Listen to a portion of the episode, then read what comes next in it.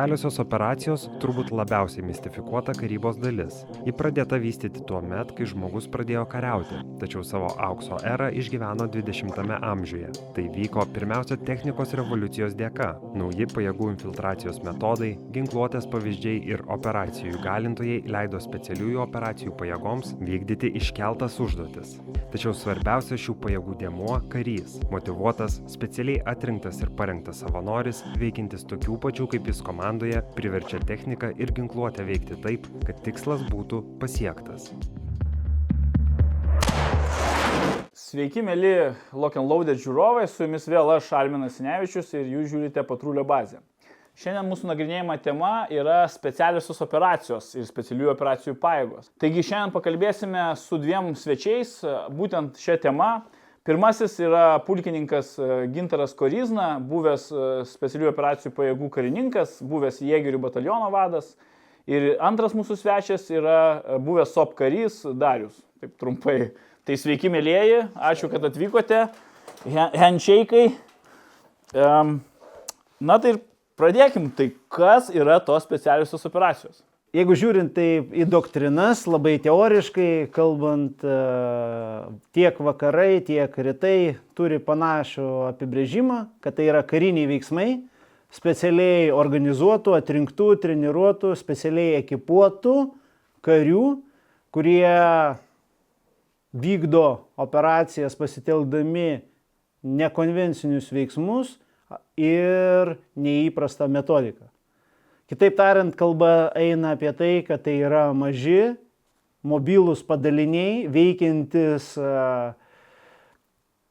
padaliniai, atrink, specialiai atrinkti, treniruoti, veikti rizik, didelės rizikos misijose ir veikia jie, mm, sakykime, tai priešo, priešiškoj arba politiškai jautrioje aplinkoje. Oho, čia kaip vadovėlį, klausykite. Taip ir sakiau, doktriniškai ir taip. Aš jeigu galima, tai pabandysiu prisidėti ir supaprastinti galbūt šiek tiek viską. Tai, tai iš esmės tai specialios operacijos tai yra nestandartiniai veiksmai, nestandartinėse situacijose. Arba dar galbūt galima būtų pasakyti, na tikrai tai yra tikslinės taktinės operacijos, suteikiančios galimybę pasiekti strateginių laimėjimų. Galbūt reguliariai kariuomeniai, o galbūt net ir, ir, ir pačiai valstybei. Na, mes galėtume imti kaip pavyzdį galbūt net tą patį mūsų, vadinasi, vienuoliktuką. Kabulo vienuoliktuką. Kabulo vienuoliktuką. Tai čia dabar trendina. Jo, na jisai, jisai labai populiariai nuskambėjo, kas, kas yra tikrai labai nepopuliarus pas pajėgų veikloje. Dėl to truputėlį gaila, nes iš tikrųjų tai, tai žmonės ten atliko tikrai nekonvencinius veiksmus. Ten veikia specialių operacijų kariai.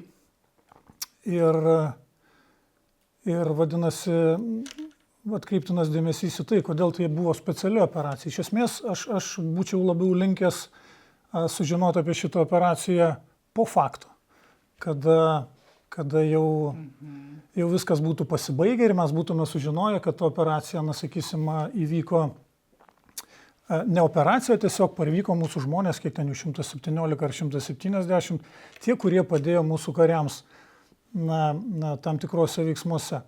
Bet, bet taip atsitiko, atsitiko toksai na, savotiška reklama ir, ir, ir tiesą sakant, aš na, norėčiau tik tai vat, užakcentuoti, kodėl tokia operacija speciali. Nes, na, ir kariuomenės vadas, ir, ir tikėtinas e, e, krašto apsaugos ministras iš tikrųjų turėjo tam tikrą viziją, kad tą dalyką turi daryti ne kas kitas su specialios operacijos, o specialių operacijų atstovai. Na ir tai buvo atlikta, nes, nes tai yra nekonvenciniai veiksmai, kaip aš minėjau. Ten e, yra svarbi patirtis, yra svarbus dalykai tokie kaip patirtis komunikacijoje ir tai nereiškia, kad komunikuoti tarpusavį, bet aš manyčiau, kad patirtis svarbi komunikacijoje su sąjungininkais, komunikacijoje su vietiniais, komunikacijoje su tais pačiais talibais, kurie mes, kaip matėm filmuotojų medžiagoje, buvo šalia. Ir tuos dalykus iš tikrųjų, na, aš manau, kad mes tikrai turime būti dėkingi tam Kabulo vienuoliktukui, nes jie tikrai tą dalyką labai gerai išsprendė, nes esant kokioms nors nesėkmėms, na, Lietuva turėtų kuoptis iš tikrųjų galbūt e, e, labai daug nemalonių dalykų. Tuo tarpu jie atliko viską puikiai mano supratimu ir mes tiesiog nežinome ir aš įsivaizduoju, kad netgi štabai, kaip jie benorėtų, toj situacijoje negalėjo perimti jokio vadovavimo, nes situacija sprendėsi dabar ir čia. Ir sakysim, Kabulo 11 šitoje operacijoje, na, sakysim, veikia dabar ir čia, improvizavo ir aš įsivaizduoju, kad, kad buvo na, e, pasakyti galbūt tam tikri sakiniai, kurie netitiko veiksmų ir taip toliau, bet pateisinimo buvo tam atrasta ir argumentų ir teisintis prieš nieką nereikėjo. Todėl aš įsivaizduoju šiandieną Lietuvos valstybė jaučiasi labai civilizuota, atlikusi pareigą prie žmonės, kaip ir visos kitos e, valstybės, prasivežė savo, savo padėjusius žmonės. Nu, šiaip nukrypstame, sudarė, bet, bet aš, vat, jeigu jau palėtėm Kabulo 11, tai uh, iš atvirų šaltinių, kiek skaičiau, tai ten, pavyzdžiui, amerikiečių, kur buvo bombos sproga ir žuvo amerikiečių kariai. Tai ten buvo marinai, kurie pirmą kartą gal buvo net at, kai kurie atvažiavę į Afganistaną. Tai vėlgi toks, vat, ne, nespets paėgos buvo iš principo mestos kai kurių valstybių, galbūt ten kai, kai kuriuose vietose. Tai čia ir, irgi įdomus dalykas, kad vat, būtent mes, nu, Lietuvos valstybė nusprendė, kariuomenė nusprendė siūsti spets paėgas ir tai traktavo kaip spets operaciją. Bet, e, bet dabar aš dar norėčiau, vat, e, gintarai, jūs užsiminėte apie skirtingas vakarų ir rytų, tokias kaip, na, ne mokyklas, bet sampratas gal ne. Tai o kuo jos skiriasi? Vat būtent vakarų pasaulyje arba NATO valstybių iš principo turbūt ir, ir vat, nu, Rusijos, Kinijos, vėlgi tos diktatūrų gal labiau galima įvardinti, nu, taip, nepolitikuojant, bet Esmė yra kokia? Esmė galbūt e, labiausiai tokie, na, akivaizdus gal skirtumai yra technikos naudojime, galbūt ekipuotės naudojime, įrangos ir visa kita, bet tiek rytuose, tiek vakaruose ir pas mus patys beisikai, patys fundamentalūs dalykai yra tie patys. Tai yra visame pasaulyje yra naudojama vienas ir tas pats, kad į spets paėgas arba specialių operacijų paėgas turi pakliūti savo noru. Tu nesi ten rotuojamas ar, ar, ar, ar priskiriamas daryti.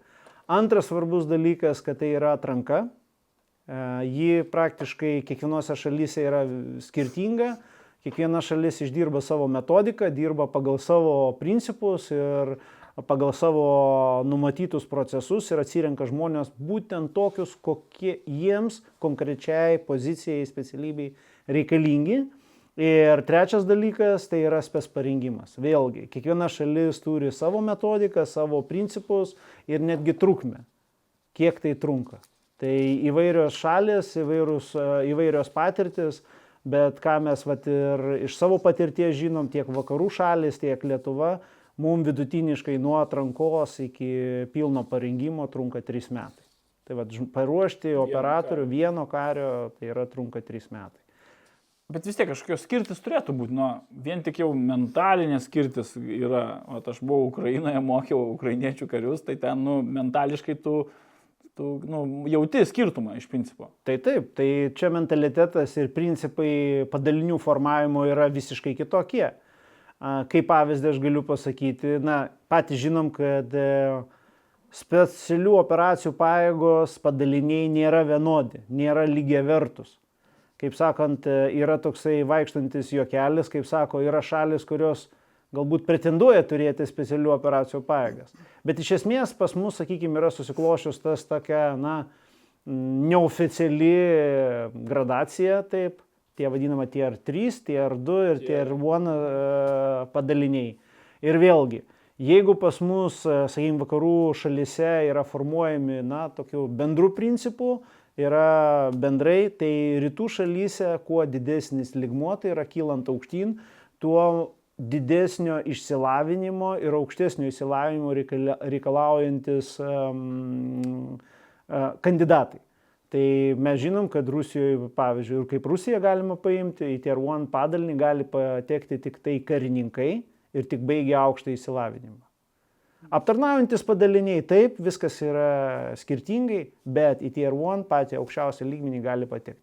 Tuo tarpu pas mus ir vakarų šalyse gali patekti ne tik karininkai, nes motivacija ir pas puskarininkius, ir, ir, ir civilius yra lygiai tokia pati.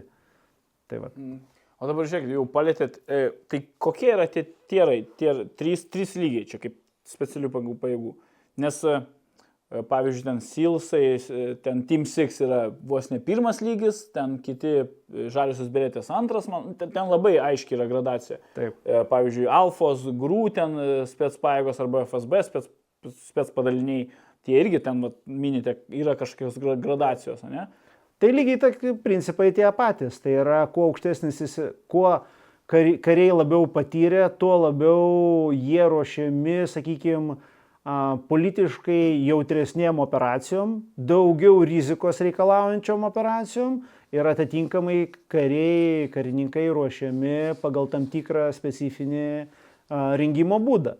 Tai vėlgi, mes pradedam nuo to, kad dažniausiai tie R3 tas yra, tas vadinasi, pradinis ligmo, bazinis, kurį nori, nenori. Ir kas yra principas, tu negali peršokinėti labai greitai. Tu turi atidirbti vienam lygmenyje, įgyti akivaizdžius pagrindus arba patirtį būtent tie trijuose, tada eini į antrą lygmenį ir tik tai, jeigu tave rekomenduoja ir tu pats nori ir pasiekiai visus reikalingus ten kriterijus antram lygmenį, tu gali nueiti į trečią lygmenį. Tai yra... tą pirmą, tiksliau. Atsiprašau, į pirmą lygmenį, taip.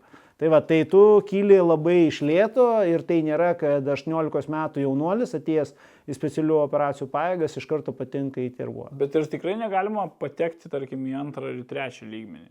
Į antrą arba į pirmą, atsiprašau. Žinoma, galima, bet tu pateksi į ką? Tu pateksi arba kaip spe, kažkoks tai specifinis specialistas, arba pateksi į aptarnaujantį padalinį. Ką tai reiškia? Tai yra, galbūt tu nebūsi kovinis, bet tu esi puikus a, radiobiologinio ginklo ar chemiko specialybę turintis atstovas ar žmogus, kurio, kurio labai trūksta tam padaliniui. Tada tu praeisi vėl visą, visą ilgą parengimą ir taip toliau. Arba tu esi superinis chirurgas, kur tam padaliniui būtent ruošiantis vienai ir kitai operacijai, būtent jo reikės galbūt. Tai va, tai yra išimtis, kurios yra labai retos ir labai, dar jūs vad neduosiu meluoti, tokių išimčių specialių operacijų vengia. Kodėl? Todėl, kad tai yra ir, menta, ir psichologija, ir, sakykime, komandinis darbas. Kai tu pradedi nuo pirmo laiptelio ir palaipsniui eini, tu daug ką pergyveni asmeniškai, daug ką pamatai ir tada nebūna karšlygiškų sprendimo prieimimo. Tai va. Dariau. Kaip, kaip jūs e, vertinate? Taip, vis, visų kuo pritariu pulkininkui. Ehm, Nu, tik tai dar galėčiau galbūt pasakyti nuo savęs, kad, na, tarkim, nuo savęs ta patirtis arba domėjimasis tais dalykais. Tai iš esmės e, e, tier 1 tai yra irgi e, išmoktos pamokos, kada, kada specialiosios pajėgos aukščiausio lygio, kaip, kaip pulkininkas minėjo, įmasi tam tikrų operacijų,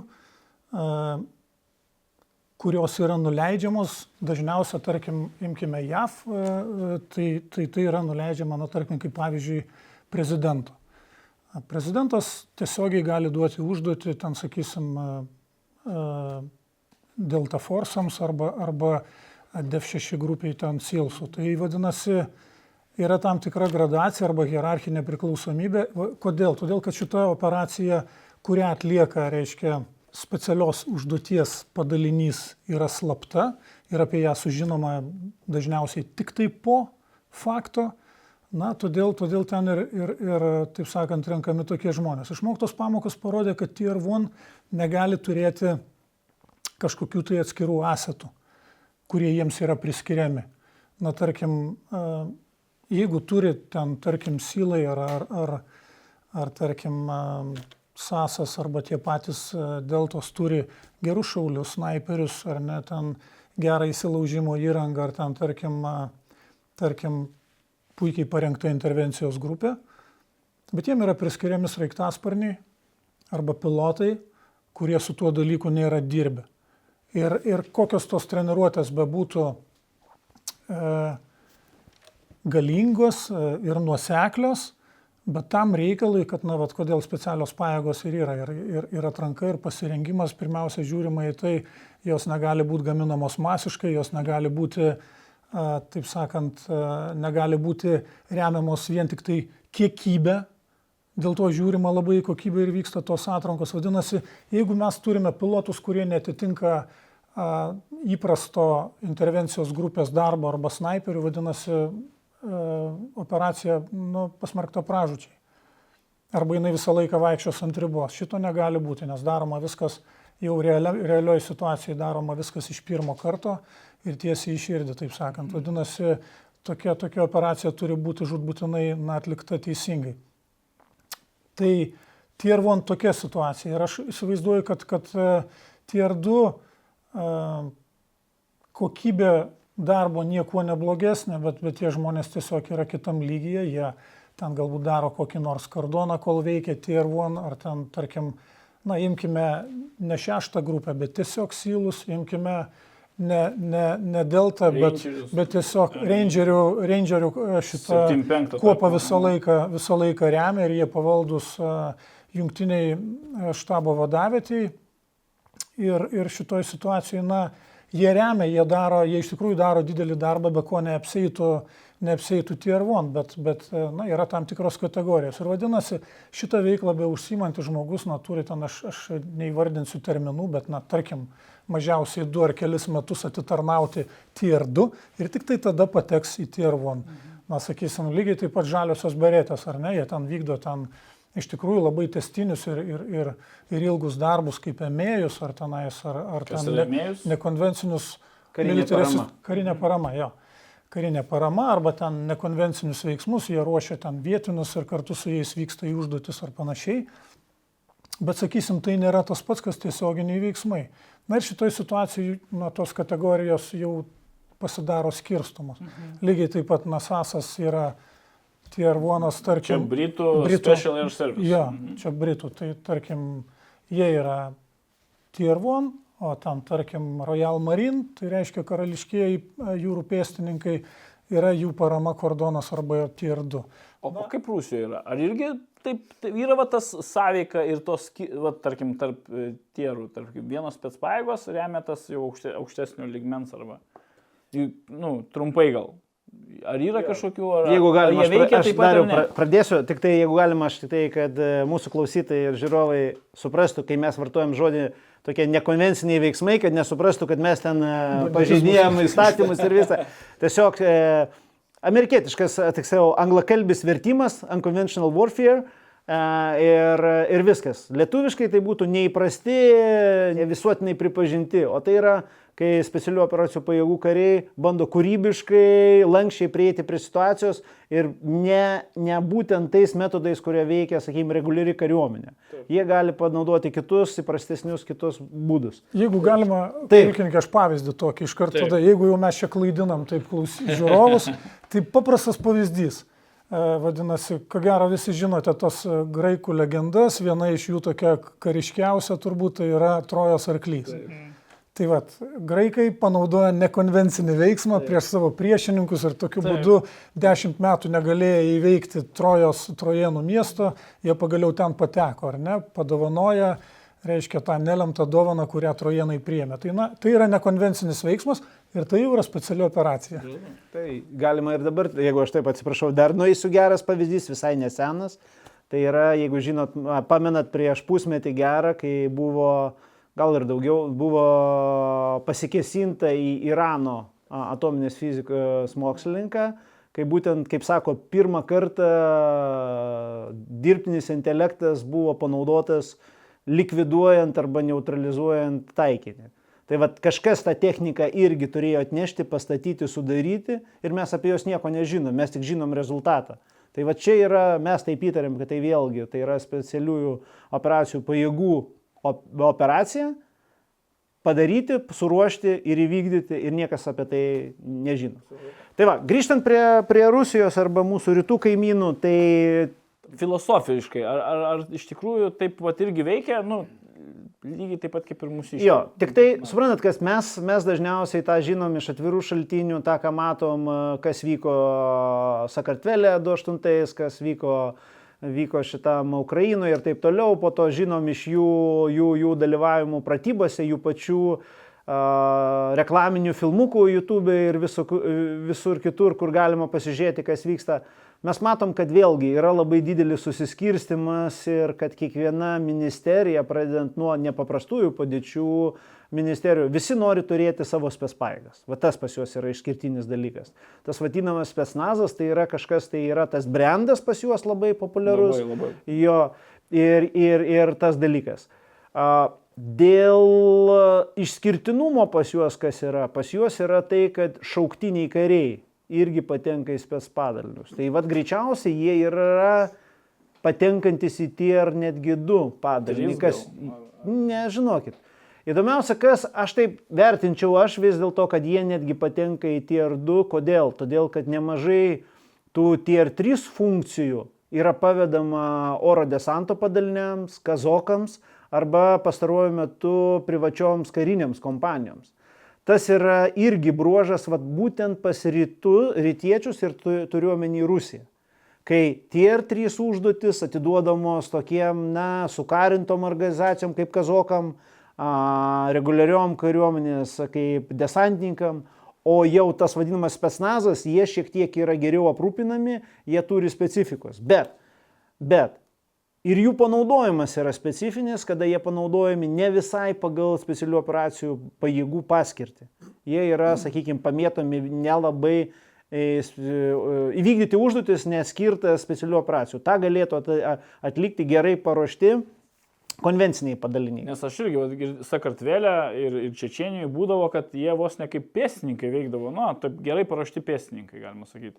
Kai kurie, va, tie spets padaliniai. Jo, galbūt tai yra tik tai įvaizdis, bet dažniausiai jie buvo naudojami, sakykime, tam tikrais momentais pralaužimui, taip sakykime. Pralaužimui, taktikos pakeitimui, didesnėje agresijai ir visa kita, kada konvencinės pajėgos galbūt buvo šiek tiek daugiau demoralizuotos ir reikėjo tokio, na, tokio veržlumo.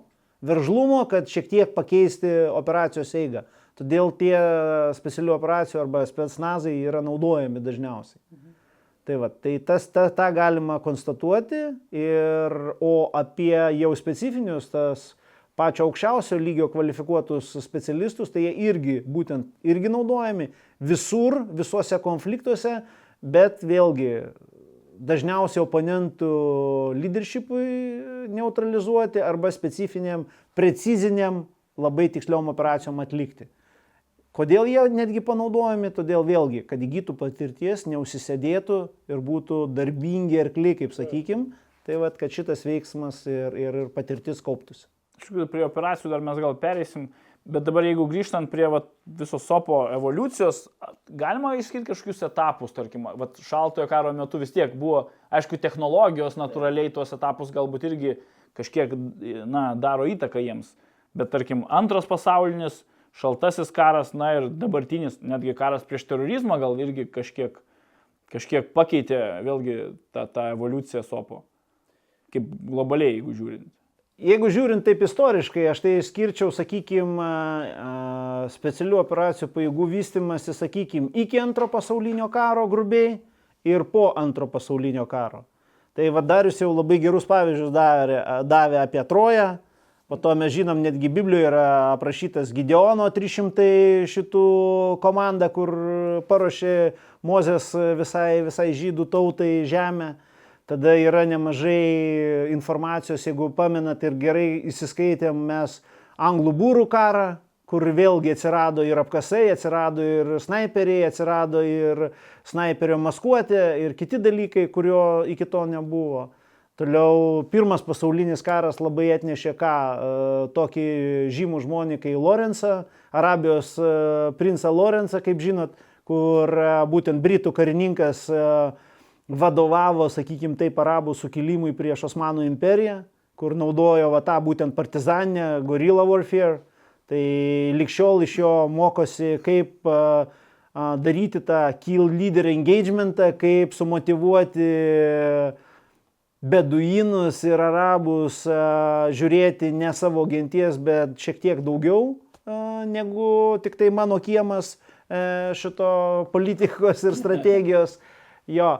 O mano nuomonė, modernios specialių operacijų pajėgos realiai atsirado jau prieš pat antrą pasaulinį ir netgi antro pasaulinio karo metu. Tai vėlgi žiūrim, kad ir Junktinėse Amerikos valstijose, ir Didžioji Britanija 40 metai atsiranda, Vokietija lygiai taip pat juda, juda ir ta pati Sovietų Rusija lygiai taip pat pasimokiusi po žiemos karo su Suomija.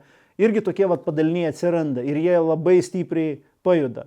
Kas yra neigiamas aspektas, kad po antro pasaulinio karo visam pasauliu yra nusprendžiama, kad su karu baigta ir labai kariuomenės mažinamos. Ir mažinamas kas pirmiausia, labai daug kur sumažinamos specialių, pajėgos, specialių operacijų pajėgos ar spes pajėgos ir netgi iki minimumo sumažinamos. Ir tada kas atsitinka, ir jeigu matome, tada prasideda tiek Afrikoje, tiek Azijoje tų vadinamų nepri... šalims gražinamos nepriklausomybės, prasideda partizaniniai rezistenciniai judėjimai, teroristiniai išpoliai ir va tie tie mažieji karai didžiosiom valstybėm atneša daug problemų, kada konvencinės kariuomenės negali kovoti. Tai va čia dar vienas etapas, Kitas etapas, gi atsiranda tas pats Vietnamas, vad galima pasakyti, va, kur daug, daug, daug ir vėl amerikiečiai turėjo iš naujo įsukinėti žaliasias beretės irgi ne iš karto ten atsirado jos. Būtent ir atsirado vat, jau į e, Vietnamo karo pabaigą tas pats e, projektas Phoenix, kur būtent, kad e, išdalinti ginklus vietiniam gyventojai ir su nedidelėm amerikiečių žaliųjų berečių spės pajėgų atstovais tuos kaimelius ginti nuo, nuo, nuo nuo, nuo komunistinės, sakykime, taip, komunistinės įtakos ir taip toliau, Vietkongo ir panašiai. Ir aišku, tada prasideda terorizmas. Nuo tas toks pirmasis grubiausias žingsnis tai yra 72 metų Müncheno olimpiada. Ir aš skaityčiau, kad nuo tada netgi po rugsėjo 11 dienos gal tai galima sakyti, kad tai yra specialių operacijų pajėgų aukso amžius dabar. Dariau, kaip, kaip jūs skirstytumėt etapus? Nu, tai kad čia pulkininkas viską labai susakė, aš tik tai norėčiau prisiminti, galbūt, galbūt nekorektiška būtų, bet aš vis dėlto noriu prisiminti. Man e, imponuoja Otos Korsenio operacijos. Tai, vat, e, tai yra antro pasaulinio karo metu, kad jūs Alminai užklausėte apie antrą pasaulinį karą, tenais, tenais tikrai iš vokiečių pusės jie būtent e, visą laiką būdavo prispausti ir aš vėl pasikartosiu, kad tarkim, na, pačiam Hitleriui buvo labai reikalinga išvaduoti Musolinį, kad jisai galėtų atstatyti Musolinio valdžią Italijoje kad, kad turėtų rėmėją ir, ir, ir galėtų, galėtų vykdyti savo veiksmus toliau, nes visą tai jam apstabdė ir apgriovė visas, visus planus. Vadinasi, na, šita operacija Musolinio išvadavimo pačioje Italijoje, saloje, kai jį saugoja patys italai, na, buvo tikrai pakankamai uh, gera sargyba. Jie dažnai keitėsi vieni su kitais, neleido savo priprasti prie Musolinio, kad, kad uh, nesusimylėtų, nepasigailėtų jo ir jisai jų ne, ne, neprisijaukintų. Vadinasi, visi gana noriai bandė išlaikyti atstumą, na, todėl tai operacijai buvo ruošiamasi du mėnesius ir, ir buvo labai sudėtinga rasti tam tikrų ėjimų. Ir, ir aš nežinau, kodėl aš pasakoju, turbūt visi tą operaciją puikiai žino. Abejoju. tai, va, tai, tai žodžiu, įdomiausias buvo sprendimas, tai yra labai spets operacija, aš manau, ir, ir užuomasgos jau neišvengiamai uh, galbūt daugiau negu užuomasgos tai buvo kaip pulkininkas sakė, tai buvo iki antro pasaulinio karo tikrai, tik tai mes to taip neįvardindavome, sakysim, žmonės tai, tai ir kariai. Tai vadinasi, šitoje situacijoje Otas Kursenis savo žinioj turėjo 108 desantininkus, 12 sklandytuvų, kuriuos valdė atskirai na, pilotai, vadinasi, kiekvieną sklandytuvą buvo sutalpinti po devynis desantininkus ginkluotus, nes įvertinus, kad leidžiantis su parašiutais e, italų karabinieriai ir ten kiti kareiviai pamatys apšaudys, priplaukti, privažiuoti, viskas buvo matoma. Vadinasi, visi 12 e, planerių buvo užbuksiruoti minutės intervalu, visi 12 pakilo, nusileido, aišku, ne visi 12 ten negaliu pasakyti priežasčių, bet įdomiausia, kad, kad viskas, na, strategiškai įgyvendinta buvo savo vado reikmėm, O, o, o operacija buvo tiesiog tikslinė, taktinė. Nusileido ir nepadarė vokiečiai nei vieno šūvio ir išvadavo Musolinį. Iš pasos atskrido um, tiesiog tikras lėktuvėlis, susirinko visus ir, ir išvežė į Berliną. Jeigu neklystu, jo, tik vėliau į Romą. Tai vadinasi, situacija tokia atsitiko ir, ir aš įsivaizduoju, kad būtent vėl grįžtant prie to, kad specialiosios operacijos tai yra tikslinės taktinės operacijos, kurių dėka pasiekiami strateginiai laimėjimai. Ir tie laimėjimai gali būti kolosalūs. Tai, tai va, aš įsivaizduoju. Musolino atvejai šitas. Taip, šitas atvejis yra nerealus. Kita vertus, aš iš karto turbūt, na, pratęsiu apie Otos Korzenio e, išdaigas. Sakysim, jisai puikiai kalbėjo prancūziškai, angliškai ir šitaip surinkęs 33 vokiečių karius su užgrobtais džipais, tankais ir sunkvežimiais įvažiavo į amerikiečių valdomą teritoriją ir darė ten didžiulę destrukciją, kada pėstininkai savo sargybose nepraleisdavo tenais po tris kartus a, išvarydavo savo generolus. Ta pati Bradley ar Eisenhowerį jie tarpusavį susirašinėjo ir, ir sako, vokiečiai rodo mums tiesiai į mūsų silpnasias vietas, jie yra čia, puikiai kalba angliškai ir mes nieko negalim padaryti. Tai buvo sukaupta apie tūkstantis karo policininkų, kurie padarė, na, e, vadinasi, postus, per kuriuos reikėjo praeiti, buvo su, sugalvoti tik tai amerikoniški slaptažodžiai, pavyzdžiui, tokie kaip tenais, kas yra Mickey Mouse panelė, arba tenais, kokiu rezultatu ten laimėjo Jankiai prieš kažką tai futbolą. Ir, ir tokiu būdu keletą vokiečių įkliuvo. Tai vadinasi tokios operacijos, kurios, na, iš tikrųjų padarė didžiulės žalos, e, be nei vieno šūvio, gazdino, įvedinėjo destrukciją būtent karių viduje. Tai irgi yra specialioji operacija ir yra tas pats trojos arklys. Jo, čia tai dapildyti, kad net pats Eisenhoweris buvo netgi savaitę uždarytas ir net neišėjo iš savo namų, kad ir suprantat, visa strateginė vadovybė buvo paralyžiuota savaitę laiko va, dėl, dėl to diversijos šito. Jo, būtent, būtent dėl to, kad buvo nuiminėjami ženklai, keičiami ženklai, kryptis ir visa kita. Tai čia tokios elementari, paprasta, bet sakau, netipiška veiksmai. Tai va. o gintarai, jeigu, va, tarkim, etapus, dar aš prie jų, va, kur paminėjot ir pavyzdžius, kuo, kuo kiekvienas etapas buvo nu, svarbus? Gerai, tarkim, nelieskim gal antikos ir trojos, bet tarkim, bet antrasis pasaulinis, e, šaltasis, e, nu ir, ir, ir tarkim, jau kova prieš terorizmą. Tai va, trys, trys tokie etapai. Ką, galima išskirti kažkokius dėmenis, kuo jie pasižymėjo ir kuo jie buvo ypatingi? Kiekvienas etapas įnešė savo, savo grūdelį į tą, tą didelį piragą, kuris dabar vadinasi šio laikinės modernios specialių operacijų pajėgos.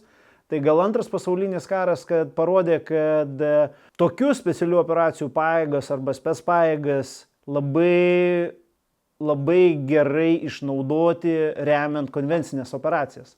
Tai yra, kai būdavo siunčiami tas pats asas, e, kai buvo dar prieš įsiveržimą į Europą, vyko Afrikoje karas su Romėmis. net yra parašyta apie tą. Ir būtent tenai, tenai būtent SASO ir SBS tada pirmtakai, tos vadinamos... Special ne, Boat Service. Jo, special, aš jo, atsiprašau, jo, Special Boat Service pirmtakai, tuo metu vadinamos nepriklausomos e, kuopos, jos vykdė reidus į vokiečių užnugarį ir naikino taip jiem reikalingą kūrą ir e, amunicijos sandėlius. Tai va, tai ten labai yra pasiekimai. Ir ten užuomasgos buvo Taip, sąsama. taip, tai būtent tas ir yra. Ir aš ką noriu pasakyti, kad ne tik, ne tik vakariečiai, bet visi ir tos pačios sovietinė Rusija, jie pamatė, kad labai gerai parengiamą į darbą, išvalgyti, tolimą žvalgybą padaryti, nes žinot, kaip mūsų yra tie vadinama žvalgybos principai. Tai yra bataliono žvalgyba gali judėti tiek, kiek siekia bataliono paramos ginklai. Nu, paramos ginklai. Brigada automatiškai toliau, divizija toliau ir taip toliau. Jeigu kalbėsim apie specialių operacijų pajėgas, jie žvalgybą atlieka visiškai nepriklausomai, kiek jie gali padengti ginklai. Svarbu turėti galimybę atsitraukti arba juos ištraukti iš ten. Tai va, tai visi matė, kad tai yra, na, to, ta jėga, kuri gali atsirasti bet kur, bet kada netikėtai. Tai yra neutralizuoti, naikinti vadavėtės, ryšio taškus ir taip toliau, ir taip toliau. Čia, vad, sakykime, tas antras pasaulinis karas atnešė tą su, suvokimą, kad tai yra labai naudingos pajėgos. Jeigu kalbėsim po antro pasaulinio karo, ką aš ir užsiminiau apie tuos mažus, e, mažas, e, mažus karus ir visa kita, tai ten dauguma siejami su gorilla warfare, sakykime, vystimusi. Tai yra ir būtent, kad mm, tie kovojant Indokinijoje, būtent Vietnamą, kalbant apie Alžyrą, kur Alžyras yra dar išskirtinis atvejis, kai... Prancūzai, ne? Prancūzai taip, kadangi tai buvo prancūzų kolonija ir alžyriečiai sugebėjo organizuoti taip vadinamą išskirtinį tą urban, tai yra gyvenviečių apgyventos vietovės, gorilla warfare, tai yra partizaninį karą apgyventoj vietoviai. Ir būtent, kad na, konvencinės pajėgos arba reguliarios kariuomenės padaliniai na, jie negali eiti iš namo į namą ir, ir, ir vertinti, kur čia yra tas partizanas, kur čia yra ne partizanas. Nu, kodėl negali? Aš dabar paprieštrausiu jums gintarai. Va žiūrėkit, Falūža, taigi ėjo, visur ir Grozna ėjo. Tai gali, ar ne? Nu, aš čia dėl vertinimų susilaikysiu, bet jeigu pažiūrėtume po tokios operacijos į, į, į, į sakykime, tą nuostabų vaizdą dykumos išgriautų namų, kur ne vieno sveiko pastato. Jeigu mes siekiam tokio rezultato, tai galbūt taip. Bet tada turim ir prisimti atsakomybę už šimtus e, vaikų, moterų ir kitų gyvybės. Vienas dalykas. Kodėl? Todėl, kad dažniausiai, jeigu eina taip masinė operacija, tada mes prisimam riziką ir už, nu, tas vadinamas, dabar nežinau kaip čia išversti lietuviškai, collateral damages. Tai vat, nu, nepageidaujama nepageidaujama žala. žala, jo, būtent. Tai ta nepageidaujama žala vėl ta pati infrastruktūra, tie patys žmonės, tie patys gyvenvietės ir visa kita. O jeigu mes planuojam ten po to kažkokią veiklą vykdyti, tai mums reikės ją atstatinėti. Vėl pinigai, investicija ir taip toliau. Tai dažnai yra šiuo atveju labai lengva panaudoti, sakykime, labai preciziniam smūgiam, neutralizavimam specialių operacijų. Tam paruoštų žmonės kurie neišgriaus ten kvartalo arba nesunaikins kvartalo ir būtent tą operaciją atliks. Vienas dalykas. Iš principo šaltojo karo e, konfliktų metu regioninių buvo iš tikrųjų tas ir suprasta, ne kaip suprantu. Jo, nu, vat, ten kad... buvo, buvo atidirbinėjama, sakykime, galbūt išsigrynino tos trys pagrindinės specialių operacijų pajėgų užduotis. Tai yra pirmiausia karinė parama, va ką labai propagavom Vietname, sakykime, ne mes, o amerikiečiai tai yra darbas su vietiniais gyventojais, kaip jiem padėti apsisaugoti nuo Vietkongo, kaip dirbti, kaip pasirengti ir taip toliau, nes e, tas ta pati karinė parama dar skirstome į keletą rūšių. Tada specialioji žvalgyba, kai reikia mūsų reguliariem padaliniam, artilerijos padaliniam surinkti informaciją, sužinoti, koks taikinys arba jeigu atliko aviacija bombardavimą, reikia įvertinti tą vat, žalą, kokią atliko, ar jinai pasiekė tą tikslą. Tai irgi nesiūsi eilinį karį, kad ten įvertinti už kelių šimtų kilometrų. Tai daro. Battle damage assessment. Taip, tai, konkrečiai. Kaip taip. čia lietuviškai net irgi nežinau. Įvertinimą. Žalos įvertinimą. Jo, žalos įvertinimą. Tai va, tai vėlgi siunčiami specialių operacijų pajėgų kariai šitą dalyką padaryti. Ir žiūrint į kitą, kai reikia neutralizuoti, ką aš sakiau, vadovaujančius postus, ryšių postus, tai yra tiesioginiai veiksmai. Reidai ir kiti dalykai, pasalos ir taip toliau ir taip toliau.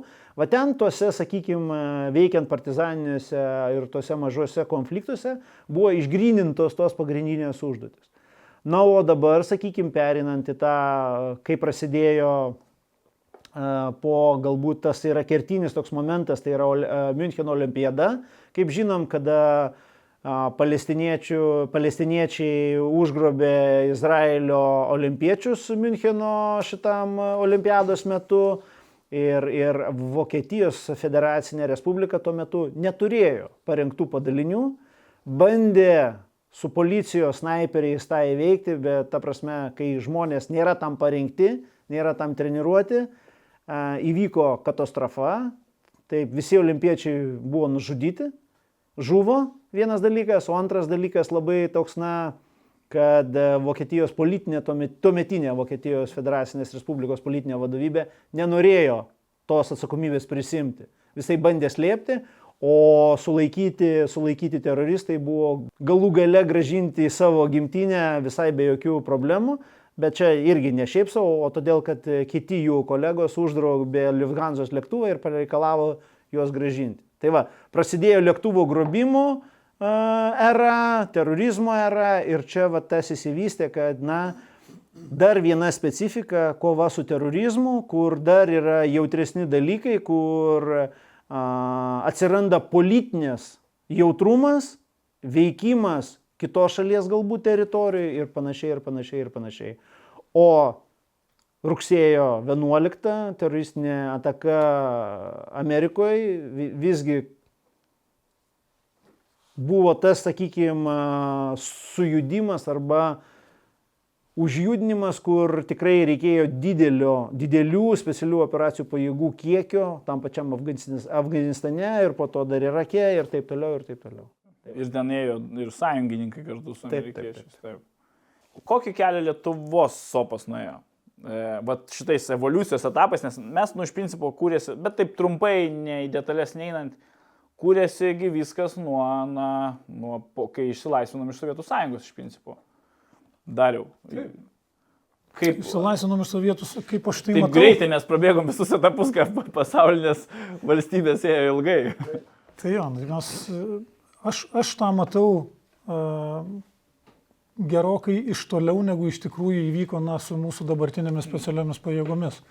Tarkim, ten, na, įsivaizduokim, kad ten užuomasgos prasidėjo, na, kokiais 95-7 metais, turint galvoje, kad, kad na, ir, ir, ir Jėgerių batalionas transformavosi iš geležinio vilko bataliono, nors iki tol ten geležinio vilko batalionas irgi motodesantinis save laikė taip pat ir, ir, ir, ir va aš vis pamažu grįžtu atgal ir, ir, ir, ir tas matymas toksai buvo, tarkime, netgi iškart po sausio įvykių, e, iki pučio tikrai, na, buvo bent Maskvos jau... Pučio?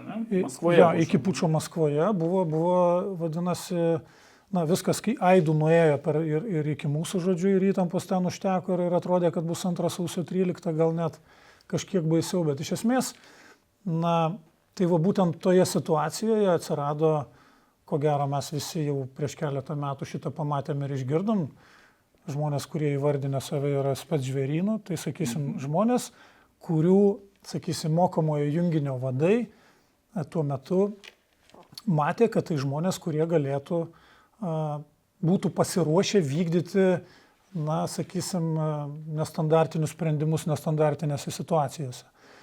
Be abejo, tai nesikristalizavo taip, kaip norėtųsi, nes, nes vėlgi aš pasikartosiu, kad spės pajėgos kūrėsi ne vienus metus, Ten gyvavo visą tai, na, galbūt neilgiau pusės metų. Pasirengimas buvo toks.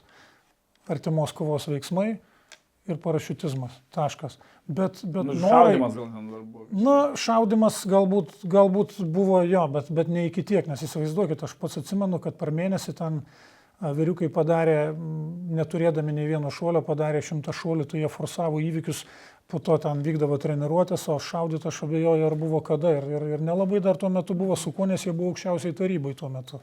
Tai buvo keli karabinai, vamžiai ten ir taip toliau. Tai žodžiu, tokia situacija. Aš, aš įvardinčiau, kad vis dėlto tai kažkoks tai žingsnelis į tą pusę. Jie ruošiasi tenais įsivaizduodami, kažkaip tai matydami viziją pagal žaliasias beretės, kurių buvo atvykusių mūsų žmonių instruktuoti aukščiausią tarybą. Lygiai taip pat buvo prisiliesta ir prie a, VDV, tai yra sovietinės a, oro desanto, reiškia, struktūros. Ir va tokiu principu viskas kažkaip tai gimdėsi. Na, tačiau visą tai neįvyko, na, baigėsi, baigėsi mūsų pergalėmis, a, susikūrė reguliari kariuomenė. Na ir vėliau kūrėsi žvalgybos kuopos padaliniuose. Tai buvo spets pajėgų atstovai tokie. Na ir jau vėliau grįžtant vėl prie to, kas artėja prie mūsų, tai Jėgerių batalionas, vėliau ypatingos paskirties skyrius ir tarnyba, ir, ir, ir 28 metai, jeigu aš neklystu, specialių operacijų, jo, Junginys. junginys ir, ir, ir, ir specialių operacijų pajėgos. Tai, tai vat, vat toks, na, aišku, aš nenoriu atrodyti jokingas, galėčiau iš vis pradėti nuo Blynų baliaus Marijampoliai, tai irgi buvo speciali operacija. Kas tai buvo? Tai, tai kada buvo tikslas susitikti ir, ir, ir, ir Čia apie pokarį. apie Ai, pokarį. Ja, ir, ir nugirdyti, sakysim, a, paveikti stribų vadovus ar ten esančius statytinius. Tai tikrai buvo didelė išmonė, didelė, taip sakant, na, narsa. ir, ir, ir bandymas privesti viską iki pabaigos. Nu, galima sakyti, iš tikrųjų, kad mūsų partizanai tam tikras tokias irgi galima tendencijas darė spets operacijas, nes tai buvo nu, nekonvencinė kar- karyba iš Taip, principo, būtent. Tai ir, ir specialių operacijų galima pajėgos nesuproma. jų pagrindų ir, ir, ir susikūrusios šiandien. teisingai, jo, jie save kildina iš, iš ten. Į, į, jie, jūs, aš nežinau, čia nebūna buvusių turbūt. Tai, um, kaip jūs gintarai? Jo, kaip, aš- kaip jūs jo, graduotumėte? Tai lygiai taip pat kaip ir Darius minėjo, tai sakau, viskas atitinka, nieko praktiškai papildyti ne, ne, ne, negalėčiau. Yra, sakau, ten kiekvienas etapas, e, netgi besikuriant įnešė tam tikrų, sakykime, mūsų specifikos. Ir kas svarbiausia, galbūt formavo mūsų tos atrankos e, ir rengimo principus. Nes tai yra labai svarbi, sakykime, sudėdamoji dalis, dėl ko a, mūsų dabar specialių operacijų pajėgos yra vertinamos pasaulyje ir mūsų partnerių. Kodėl yra kviečiami į misijas kartu važiuoti, o nepaliekami kažkur tai paraštėse ir taip toliau. Tai vadinasi, yra pasirinkta, kiekvienas tas etapas atnešė tam tikras išmoktas pamokas, kurias mes išmokom ir jas įgyvendinom. Ir tas tiek atranka, tiek parengimas duoda savo vaisių, ką mes dabar matom. Tai yra mumis pasitikė, mumis laiko lygiai verčiais partneriais, kas yra labai labai svarbu. Ir kad mes galim kartu su jais dirbti ir, ir, ir, ir bendradarbiauti. Tai va. Gerai, atranka labai, labai gera tema. O kodėl reikia sopo atrankos? Vat, nu, ir, ir kuo jį tokia ypatinga, kad vat, jūs sakote, vertina mus kiti, kitos spetspaėgos? Tai nereikia detalių vėlgi atskleisti, bet ku- kuo tai yra taip svarbu ir ypatinga? Kodėl vat, atranka sulaukia tiek daug dėmesio ir tiek daug, na, nežinau, svorio e, sopo visam ir gyvenime ir, ir, ir tokia ilga yra, na, kiek turbūt, e, kaip sako, tris metus reikia parengti, ten e, iš principo visa atranka ten apie pusę metų, gal net ilgiau trunka. Dėl terminų aš gal nieko nesakysiu, nes kiekvienas turi Įvairiai įvairiai, įvairiai. kiekvienas pagal save gali nuspręsti, kada... ir skirtingose pajėgo, Jo, jo. valstybėse įvairiai taip, būna. Jo. Jo, tai e, kokia esmė yra, galbūt čia ne, ne todėl, kad nėra ką veikti ir čia sugalvojam pasi, Ilgai, drožkim ilgai. Jo, tai pirmiausia yra, kaip sakant, e, elementarus dalykas atsijoti, kurie žmonės galbūt e, paten, nori patekti per klaidą arba nėra pasiruošę ten tarnauti. Tai yra pirmiausia tas toks pirmas etapas yra toksai galbūt, na, labiau alinantis ir tos nežinomybės įnešimas, kada žmogus turi apsispręsti, ai, galbūt čia man neverta, aš geriau gyvensiu tą gyvenimą, kurį aš gyvenau. Tai čia tas irgi principas ir yra. Tai atranka duoda, kad nubyra, nubyra tie žmonės, kurie nori atsitiktinai galbūt patekti. Dėl ten kažkokių Ne, fancy tiesiog dalykų. jo, tiesiog e, pasiskaito knygų arba pasižiūri laidas apie, vat, pasižiūrėjo, kaip gerai Kabulo vienuoliktukas ir jis nusprendė, kad vat, jis irgi nori būti to, to, to, to, to šeimos nariu. Podcastą mūsų pažiūrės, sakys, o aš irgi noriu. Tai va, tai iš tikrųjų... Siekia. Iš tikrųjų, sakau, tas pirmas etapas galbūt taip ir yra, kad tas nubyra tie, kurie galbūt atėjo ne visiškai apsisprendę, ir, ir, ir, o tie, kurie nori, jie ilgiau lieka. Ir finale, kas yra, tai antras etapas galbūt tas pats, pats, pats toks sudėtingiausias, tai yra, kai a, reikia atrinkti psichologiškai silpnesnius. Ir patikėkit manim, mūsų instruktoriai, kurie daro didelį ir sunkų darbą, jiem yra pakankamai sunku išvelgti ir, ir netgi kažkada vienam ar kitam puikiam žmogui pasakyti, žinai, tu puikus karys ir tu puikiausiai tinki geležinio vilko brigados žvalgų kopai, bet mes rekomenduotume tau eiti ten.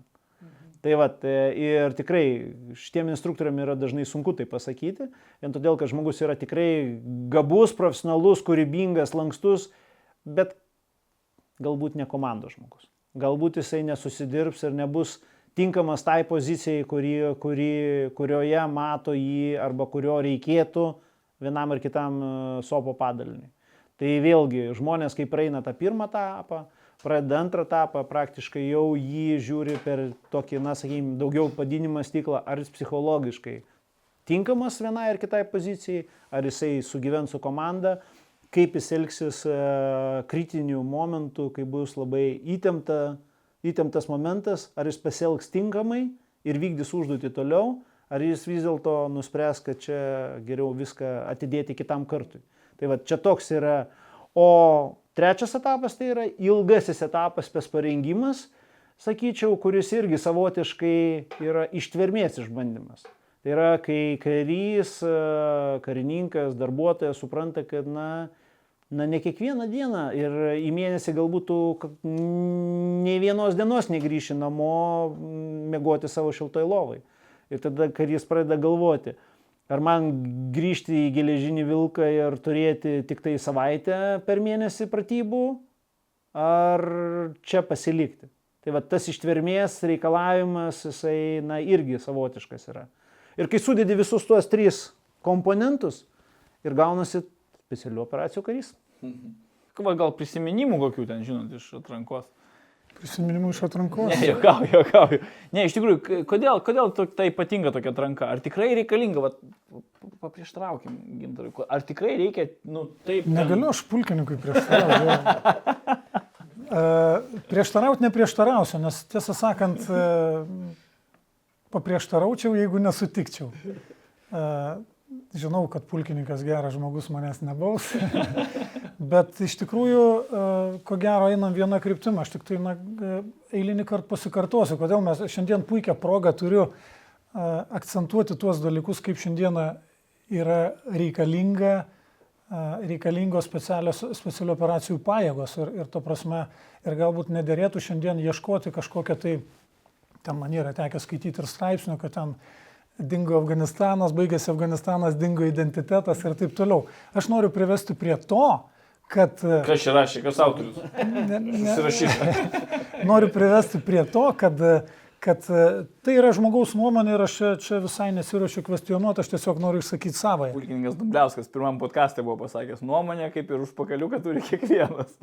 Tai, tai, jo, jo. tai, prašau, atsiprašau. Tai žodžiu, tai, tai šitoj situacijai aš įsivaizduoju, kad, na, jeigu nėra kažkokių tai kovinių veiksmų ir mes turime, įvardinkim, langą, vadinasi, vadinasi, mes turim puikią galimybę šlifuoti tai, ką mums, taip sakant, apgadino a, ta kasdienė rutina - misija, reabilitacija, pasirengimas misijai, misija. Ir reikia pripažinti, kad, na, kad, kad iš tikrųjų tenais daug kas niveliavosi tos misijos metu ir, ir, ir tas, sakysim, tam tikros specializacijos na, jos kaip ir dviračių važiuoti, jos nedingo, bet čia yra puikia galimybė.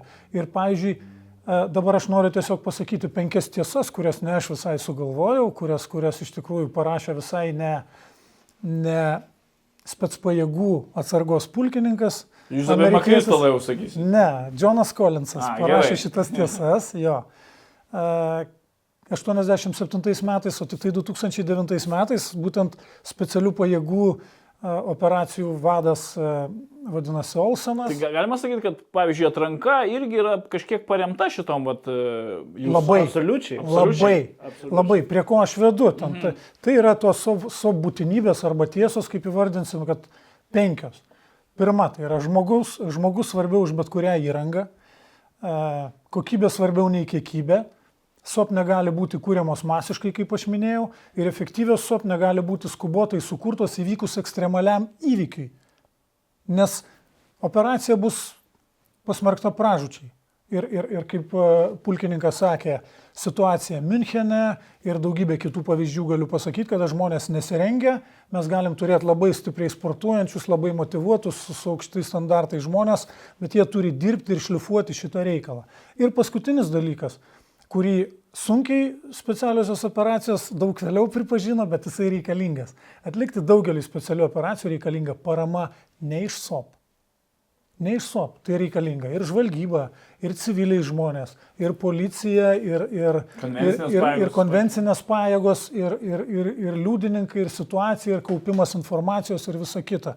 Specialiosios pajėgos yra jėtės maigalys. Ir, ir labai geras tai yra apibūdinimas, tai nereiškia, kad tai yra pati svarbiausia dalis, bet ji yra labai tokia operuojanti ir chirurginė dalis. Ir jeigu jai būsi nepasiruošęs, pradės drebėti rankos, vadinasi, tu negali to daryti. Ir dėl to mes visi turime suprasti, ar yra šiandieną misijos ar kažkokios svarbios operacijos, ar nėra. Nereikia laukti, lygiai taip pat kaip turėti kariuomenę. Turi kariuomenę, galbūt karo nebus, ar galbūt karo nebus dėl to, nes mes turim kariuomenę. Vadinasi, vėlu, taip sakant, tepti ratus, kai reikia važiuoti. Tai čia, čia paprastas dalykas. Tai va aš įsivaizduoju, kad šitie dalykai yra labai svarbus ir dėl to atranka yra ilga, testinė, kad, kad mes pamatytume, kad tas žmogus, na sakysim, ten trijų metų bėgyje jau jeigu jisai nepasakė ne arba mes jam nepasakėme ne, tai aš nežinau, kas turi atsitikti, kad, kad, kad na toliau. Tai yra jo, tai yra jo kelias, jo pasirinkimas ir, ir vadinasi ir jo galimybės. Nes na, tikrai būna, kad kartais uh, atsisveikina žmonės, pavyzdžiui, arba patys, uh, netgi praėję atranką, arba na jau į, į pabaigą atrankos, ne, arba patys atsisveikina, arba su jais visgi paėgos nusprendžia atsisveikinti. Tai O kodėl taip būna? Todėl, kad tiesiog pajaučia, kad na ne jam arba, arba ypat pajėgos pasupranta. Labai, labai daug visų. Aišku, čia unikalus turbūt atvejai kiekvienas. Ne, nebūtinai, bet čia vėlgi turim suprasti, ar tai būna šeimos aplinkybės, arba, arba kažkas su sveikata, arba dar kažkas. Tai nu, nėra, kad tai va, man neteko per kiek aš buvau specialių operacijų pajėgose, kad ten vienu metu išeitų daugiau, 2-3 vienu metu jau einant atrankai į pabaigą. Mhm. Taip nebuvo. Neteko. Iš, iš atrankų patys ne, retai kas tai sako, jo, bet galbūt aš įsivaizduoju, kad e, Alminas turi galvoje, iš pajėgų jau gal praėjo. Iš pajėgų paskui, kai praėjo. Na, yra, juk praėjęs atranką žmogus, tarkim, jisai praėjo tuos pirmus etapus, praėjo kažkokius kursus ir galbūt net jam buvo patikėta kažkur išvažiuoti misiją ar dar kažkur. Ir jisai nepamatė to, ką įsivaizdavo.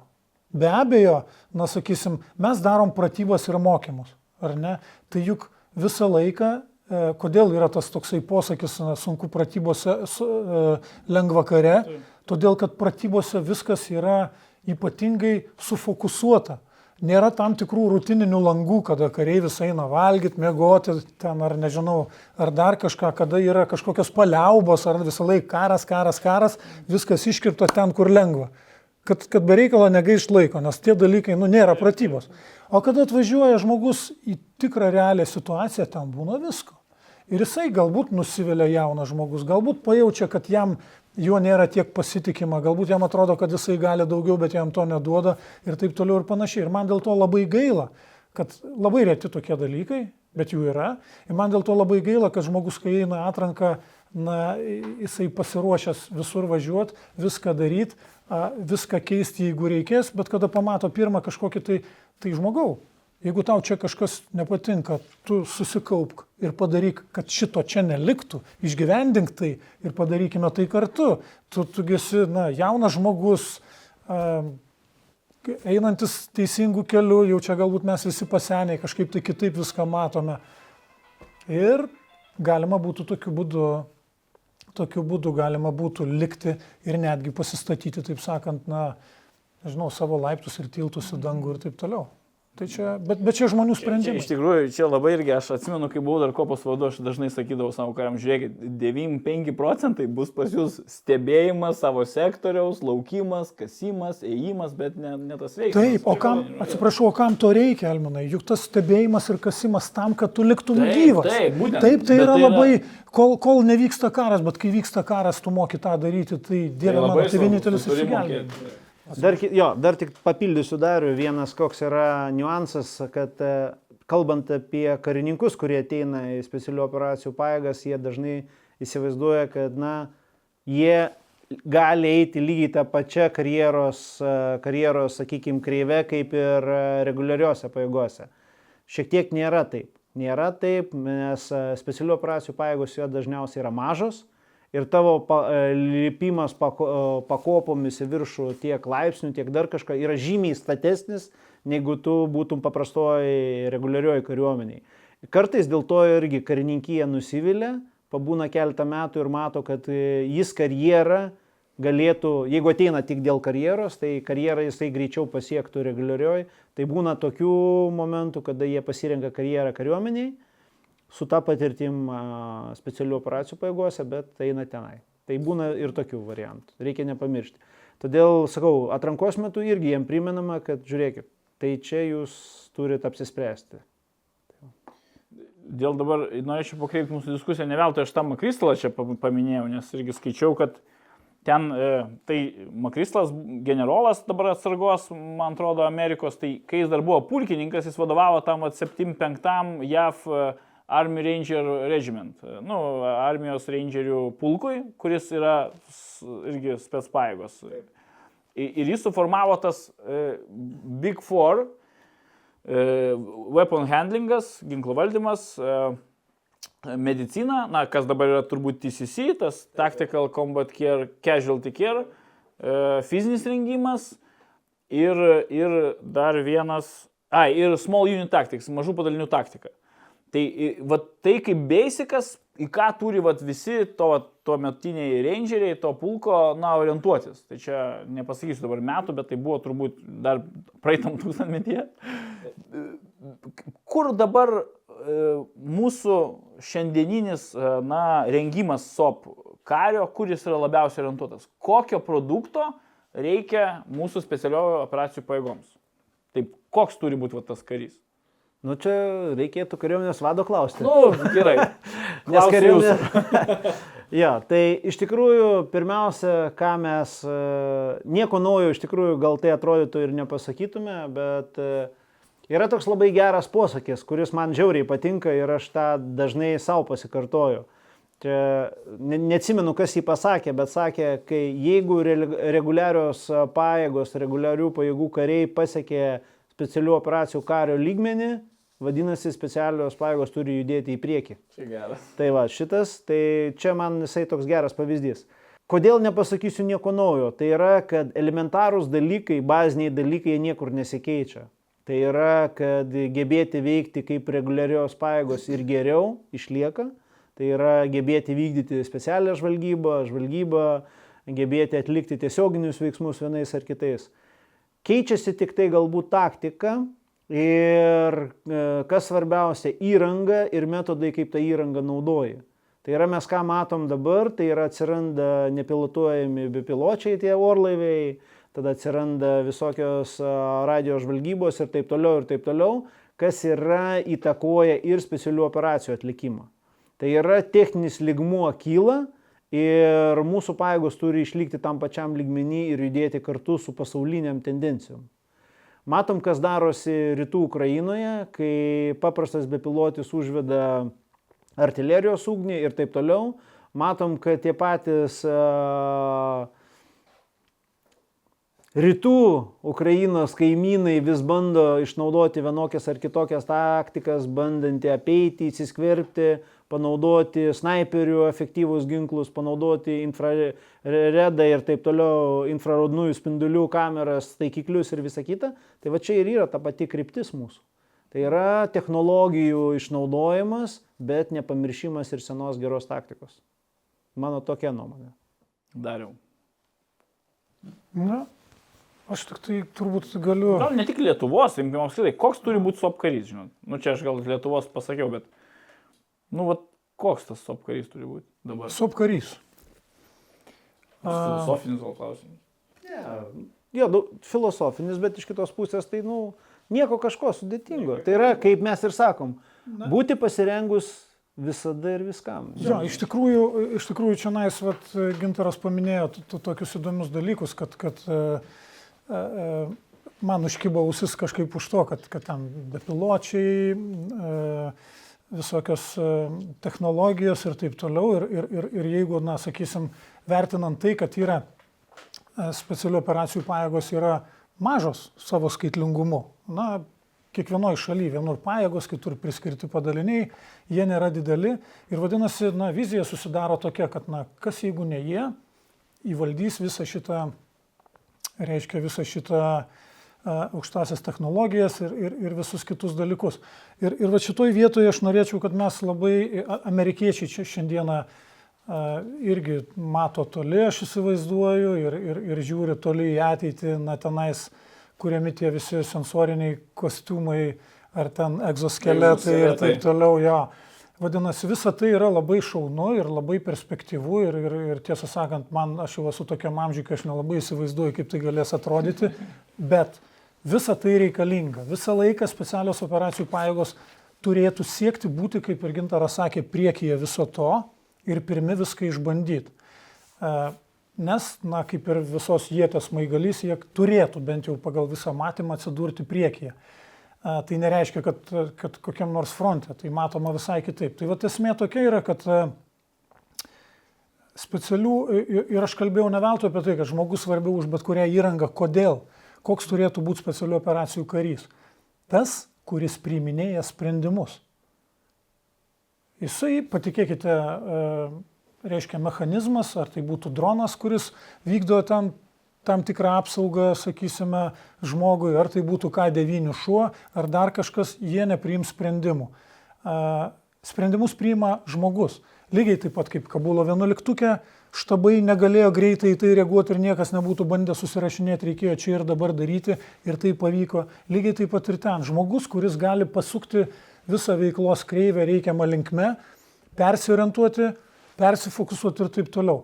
Tuo tarpu, sakysim, koks nors dronas, jisai tą gali sugrįžti pas šeimininką, pasiskaičiavęs, kiek jam liko resursų, ten nes akumuliatorius tuoj nusės. Jisai nelipa per save.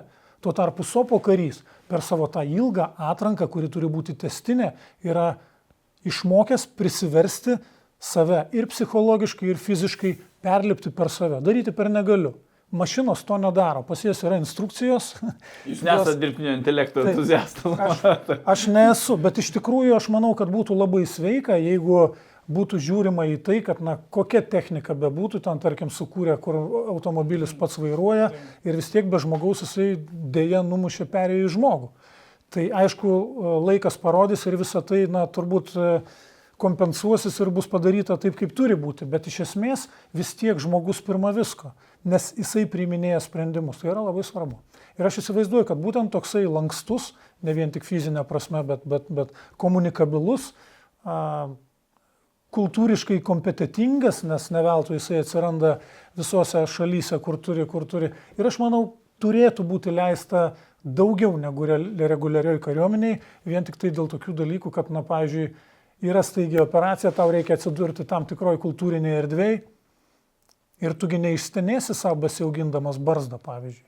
O tai atrodo labai toksai menkas dalykas, o tam tikroji vietoje būtent su tuo kalbėsis, pas kurį yra vešliausia barzda, tarkime. Čia yra gyvenimo patirtis.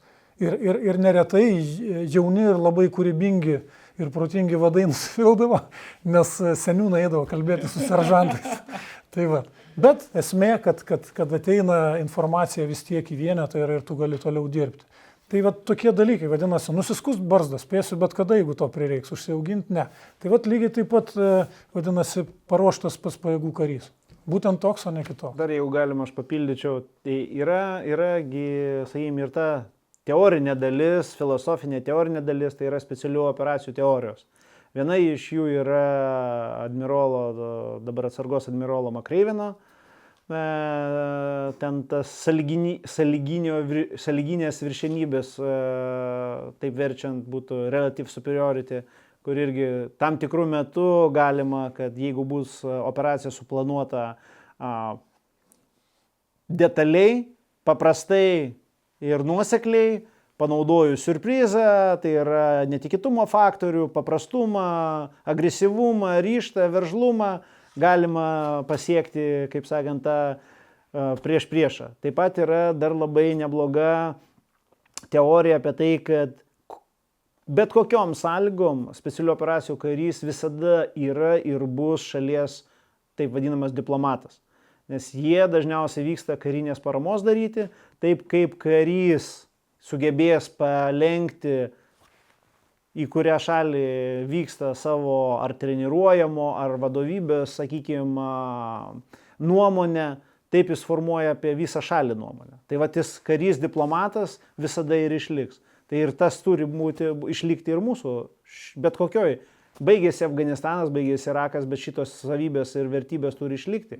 Tai vadinasi, ir nauji kariai turi būti mokomi būtent tam, kad sugebėtų ir veikti, ir būti diplomatais. Bet va čia, Ginzai, vėl jūs labai gerą palėtė temą. Juk ne visi, nes kartais, suprantat, gal vat, žmonės, kurie galbūt, na, mūsų žiūri, bet ir, ir nėra susipažinę artimai su sopu, jie galvoja, kad ten, nu, tikrai yra taip galvojančių, kurie, kad ten visi yra, ten kikdorina, duris pardo, žinot, ten, ua, ten veržiasi, valo pastatus, ten, žodžiu, veiksmas, ne, apie kurį kalbėjau. Bet juk yra ir specializacijų, vat, jūs sakote, kažkas advisorių eina, tuo patarėjų, ne? e, kažkas gal ten, nu, bomberis yra, kuris ten sprogdavo su sprogdin- smegenim, yra chirurgas, kur minėjote, yra daktaras. Tai tų speciali, specializacijų yra ten, nu, įvai- įvairiausių, ne? Tai mes kaip ir kalbėjom, kad atranka yra specializuota. Ir kiekvienai tokiai specialybei tai reikia suprasti, kad a, specialių operacijų pajėgų grupė, ar tai ekipa, ar komanda, ar visas eskadronas, jie dažniausiai vykdo operacijas, na, nu, ne visai šalia, kaip sakant, a, benzino kolonėlės arba kažkurios tai ligoninės. Ir tam tikrų specializacijų reikia. Ir turim suprasti, kad ir užduotis būna įvairios specifinės. Galbūt čia nesiekim prie Lietuvos, bet siekim prie pasaulinio ligmens, kada reikia važiuoti ir žiūrėti, ką ten ponas Iranas daro su savo a, brandoliniu ginklu. Reikia įlysti ar vieną ar kitą šachtą ir ten ištirti. Aitišnikų tu turi galbūt. Tu turi Tai vad būtent, tai ir ką, ką mes ir kalbėjom pačioj pradžioje apie tą patį Irano vat, pavyzdį, visą kitą, kaip reikia viską padaryti, kad tas dirbtinis intelektas būtų sukonfigūruotas ir sunaikintų būtent tą taikinį, o nenukentėtų niekas kitas, kaip, kaip ir įvyko realiai. Tai va, tai vėlgi tai reikia ir tai vadinamų labai siauros specializa- specializacijos žmonių, O tie, vat, kaip sakant, kurie spardo duris, tai irgi automatiškai, jie irgi turi ne vieną specializaciją. Jis gali būti ir sniperis, gali būti ir paramedikas ir visa kita. Tai būtų, na, ne visiškai teisinga, jeigu specialių operacijų karys turėtų tik vieną specializaciją, nes jų nėra daug, o kvalifikacija turi būti tam, kad jis galėtų, visa komanda galėtų vieną kitą paremti. Todėl labai retai, kad aš, nu, pas mus turi dvi, tris kariai specializacijas, kurie galėtų visą daryti.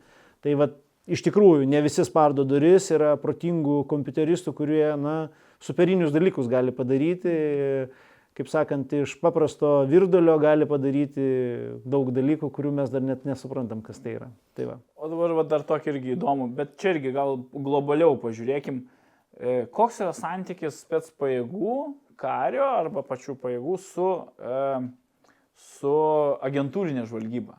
Nes aš va dabar skaitau labai gerą Mark Galioti knygą Vorai e, apie Rusijos supermafiją. Šiaip rekomenduoju ir žiūrovam. E, Tai ir, ir ten labai yra, tamšai, nu, rytų toj pasaulyje ten yra labai susipinę, ten ir kriminalas, ir politika, ir verslas, ten ir, ir spets e, visos e, pajėgos ir, ir tarnybos įvairios ten.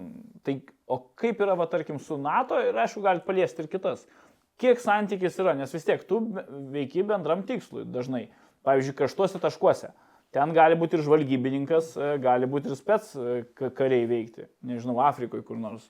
Mes turim labai suprasti vieną paprastą dalyką, kad e, tiek specialioji operacija, tiek paprasta operacija, jin dažniausiai pradeda gimti nuo ko?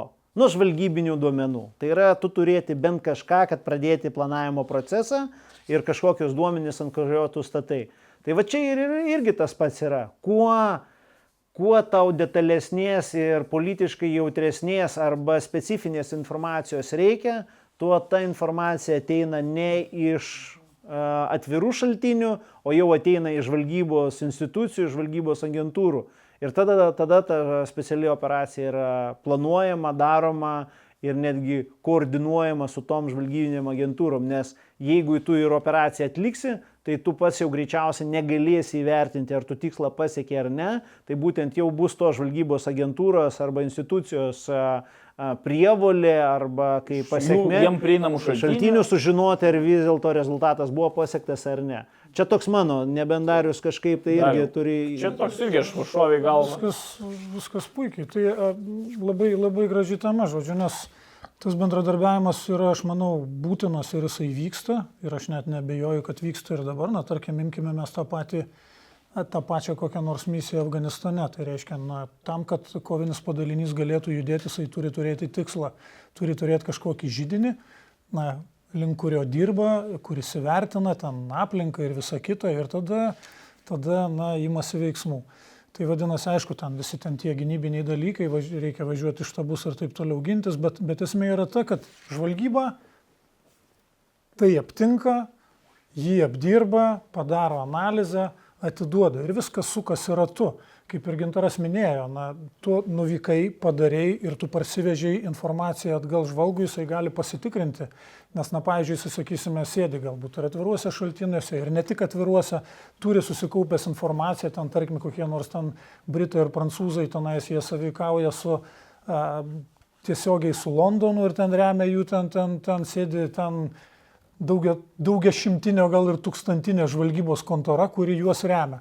Mes tokių galimybių, pavyzdžiui, na, neturėdavome, bet, bet aš mačiau, kaip dirba, reiškia, e, kitos valstybės ir, ir, ir, ir jau visas seilės, kad neatrodyti nekultūringai. Tai, va, tai vadinasi, tie dalykai buvo, nes šalis didelė, istorija sena yra, tarkim, net, na, jie turi bazinius duomenis labai senus Ir, ir iš tikrųjų, net, tarkim, apie tą patį, na, nušoksiu dabar apie piratavimą vandenyse, ar ne, kada mūsų jūreiviai buvo patekę į nelaisvę ir taip toliau. Na, tai prancūzai tokiuose dalykuose turi tiesiog, na, šimtmečiais istorinis tenais e, galimybės, iš pradžių turbūt atėjo iki nuotraukų nuo piešinių, kaip atrodo ten piratų vadas ar dar kažkas. Mes to šiandieną neturim, nes mes esame jauna valstybė, mums tik tai 30 metų. Ir pajėgumai netie. Ir pajėgumai netie, be abejo. Bet vienareikšmiškai, ten imant Lietuvą, tai aš suprantu, kad, kad na, mes turime bendradarbiauti ir, ir, ir tai turėtų vykti ir, ir su tuo pačiu VSD, ir su antrų departamentu ir taip toliau, nes, nes tada tada ir, ir valstybės saugumas, ir vidinis, ir išorinis, na, jisai visai kitaip atrodys ir, ir ta prasme, ir vertinimai bus visai kiti. Nes jeigu mes turėsim vien tik paslaptis tarp institucinės, tai, na, esant kriziniai situacijai mes nežinosime, kaip elgtis. Lygiai tą patį aš turbūt rekomenduočiau ir mūsų ten, sakysim, nekariniai aplinkai, kad, sakysim, įsivertint, kad jeigu nedaug dievė atsitiks kokia nors krizė, mes turime turėti krizių valdymo centrą, o aš labai abejoju, kad tokie yra. Yra prie vyriausybės to... sukurtas. Okay.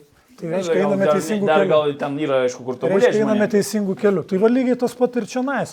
Ar atsitiktų tam nedaug dievė okupacija ar dalinė okupacija, ar atsitiktų įkaitų drama, ar atsitiktų kažkoks hybridinis karas, kuris tik tai inscenizuotų įkaitų dramą ir taip toliau ir panašiai reikalinga, kad susirinktų, ne, spets pajėgos turi savo sritį, bet ten, sakysim, žvalgyba turi savo sritį, ten kontržvalgyba savo ir taip toliau. Ir viso šito reikia, ir, ir, ir VRM, ir visi kiti dalykai. Tai dabar norėčiau dar uždaryti jau mūsų potėmę apie rengimą ir, ir atrankas.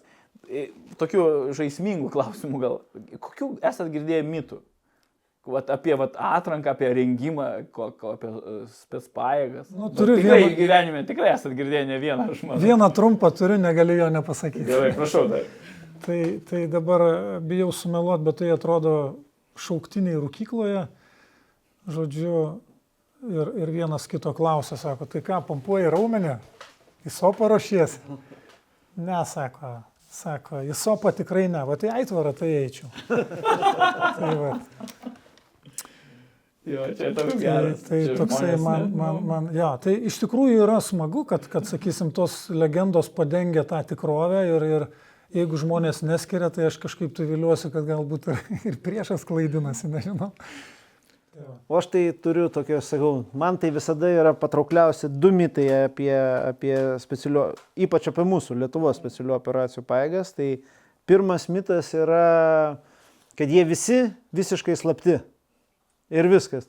Tai kai pasižiūri, ta prasme, lyg mes būtume ne žmonės ar dar kažkur, kažkur tai būtume visada ar su kaukiam, ar dar kažką vaikštume. Yra, na, perdėtas tas mūsų sutapatinimas su paslaptimi, su kažkokia ribota informacija, dar kažką. Ir viskas, jie visiškai slapti, mums pavardžių nesakykit, nežiūrėkit į mūsų pusę, jūs visiškai slapti. Tai vienas dalykas. O antras dalykas, e, čia galbūt daugiau na, visuomeniai ir kariuomeniai kažkiek tai yra, kad e, specialių operacijų pajėgos yra labai brangios ir jie yra geriausiai aprūpintos. Bet jeigu va tai va, realiai va, sudėtume dabartinį mūsų netgi šauktinį ir jam duotume tą patį, va, kas jam yra skirta, ginklas, naktiniai ir taip toliau, tai nelabai kažkas ir skirtusi. Iš tikrųjų, ypač pasižiūrėjus, uh, sakykime, kad ir ne mūsų pajėgas, bet paimkim tą patį prancūzų svetimšalių legioną, pažiūrėkim, kaip ten eilinis karys atrodo, paimkim to, tos pačius e, norvegus karius, kaip ir sakau, lietuvius, pagal įrangą. Tai praktiškai mes jau nieko nesuski, ne, nebesiskiriam. Ta, ta pati šarvinė lemenė, tas pats šalmas, a, tie patys ginklai, gal tik tai turim kažkiek kitokios specifinės ginkluotės. Bet sakau, tie mitai, jie yra visada, kad labai brangus ir parengimas, bet mes tada užmirštam pasakyti, kad pilotą parengėm už tiek, tai kažkokią specialybę Kiekvienas parengėm specialistas Jo, kiekvienas specialistas turi savotiškai, Savo bet ta prasme yra tam tikri mitai, kurie, na, iš tikrųjų, na, kai žmogus ateini į tą terpę, pamatai, kad viskas nėra taip, kas yra labai gražiai nupiešama ir visa kita. Ir kitas dalykas, čia gal Darius paprieštaraus man, kad e, sopas niekada neprieštarauja, kad apie juos kurtume mitus. Nepaprieštaraus. Netgi, netgi džiugindavo tokie Dėl dalykai. Kabulo.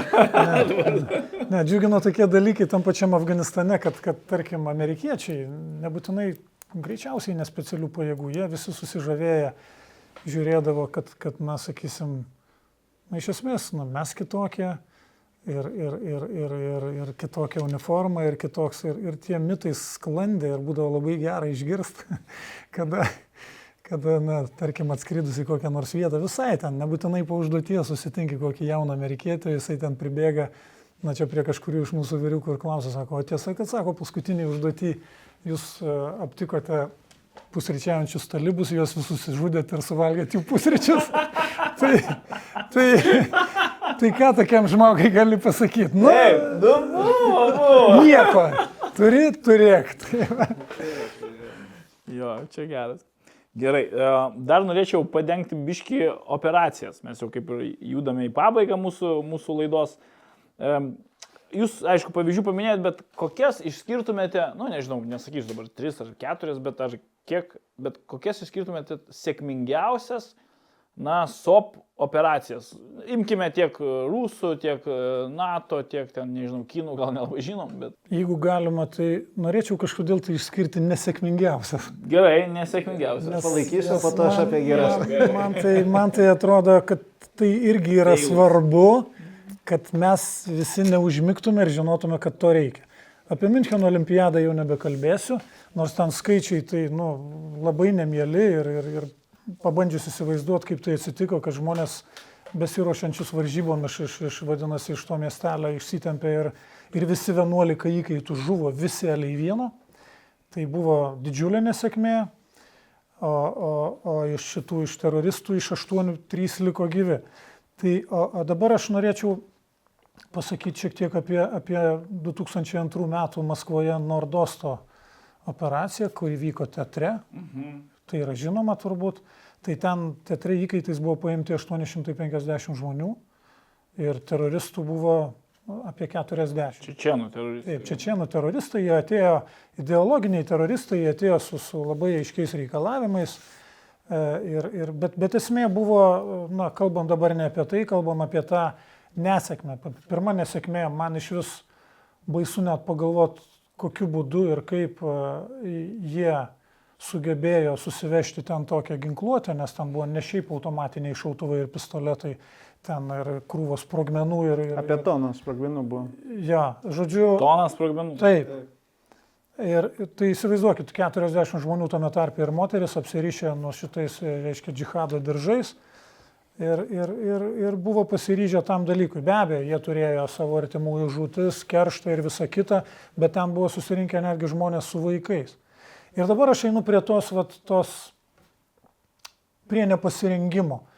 Aš pasižiūrėjau ir YouTube, pasižiūrėjau ir tam tikrus dokumentinius filmus, kiek galėjau prie to pas, prisiliesti, pasiklausiau kažkokios tai analizės, na ir pamačiau, na tikrai žiaurių dalykų, kad, pavyzdžiui, stebėdamas dokumentinę medžiagą visiškai nemačiau jokio kordono. Galbūt jis ir buvo, bet dėrėtis nueidavo, kiekvienas tūlas pilietis, kam šaudavo tai į galvą. Ir jeigu neklystų, nenoriu labai čia nais, ko gero, be ne du medikai išsinešė su neštuvais uždengtus.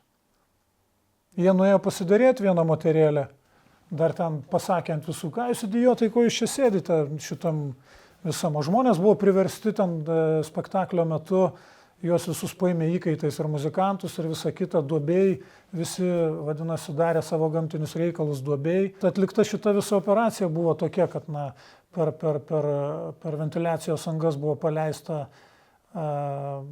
dujos, e, ko pasiekmė visi.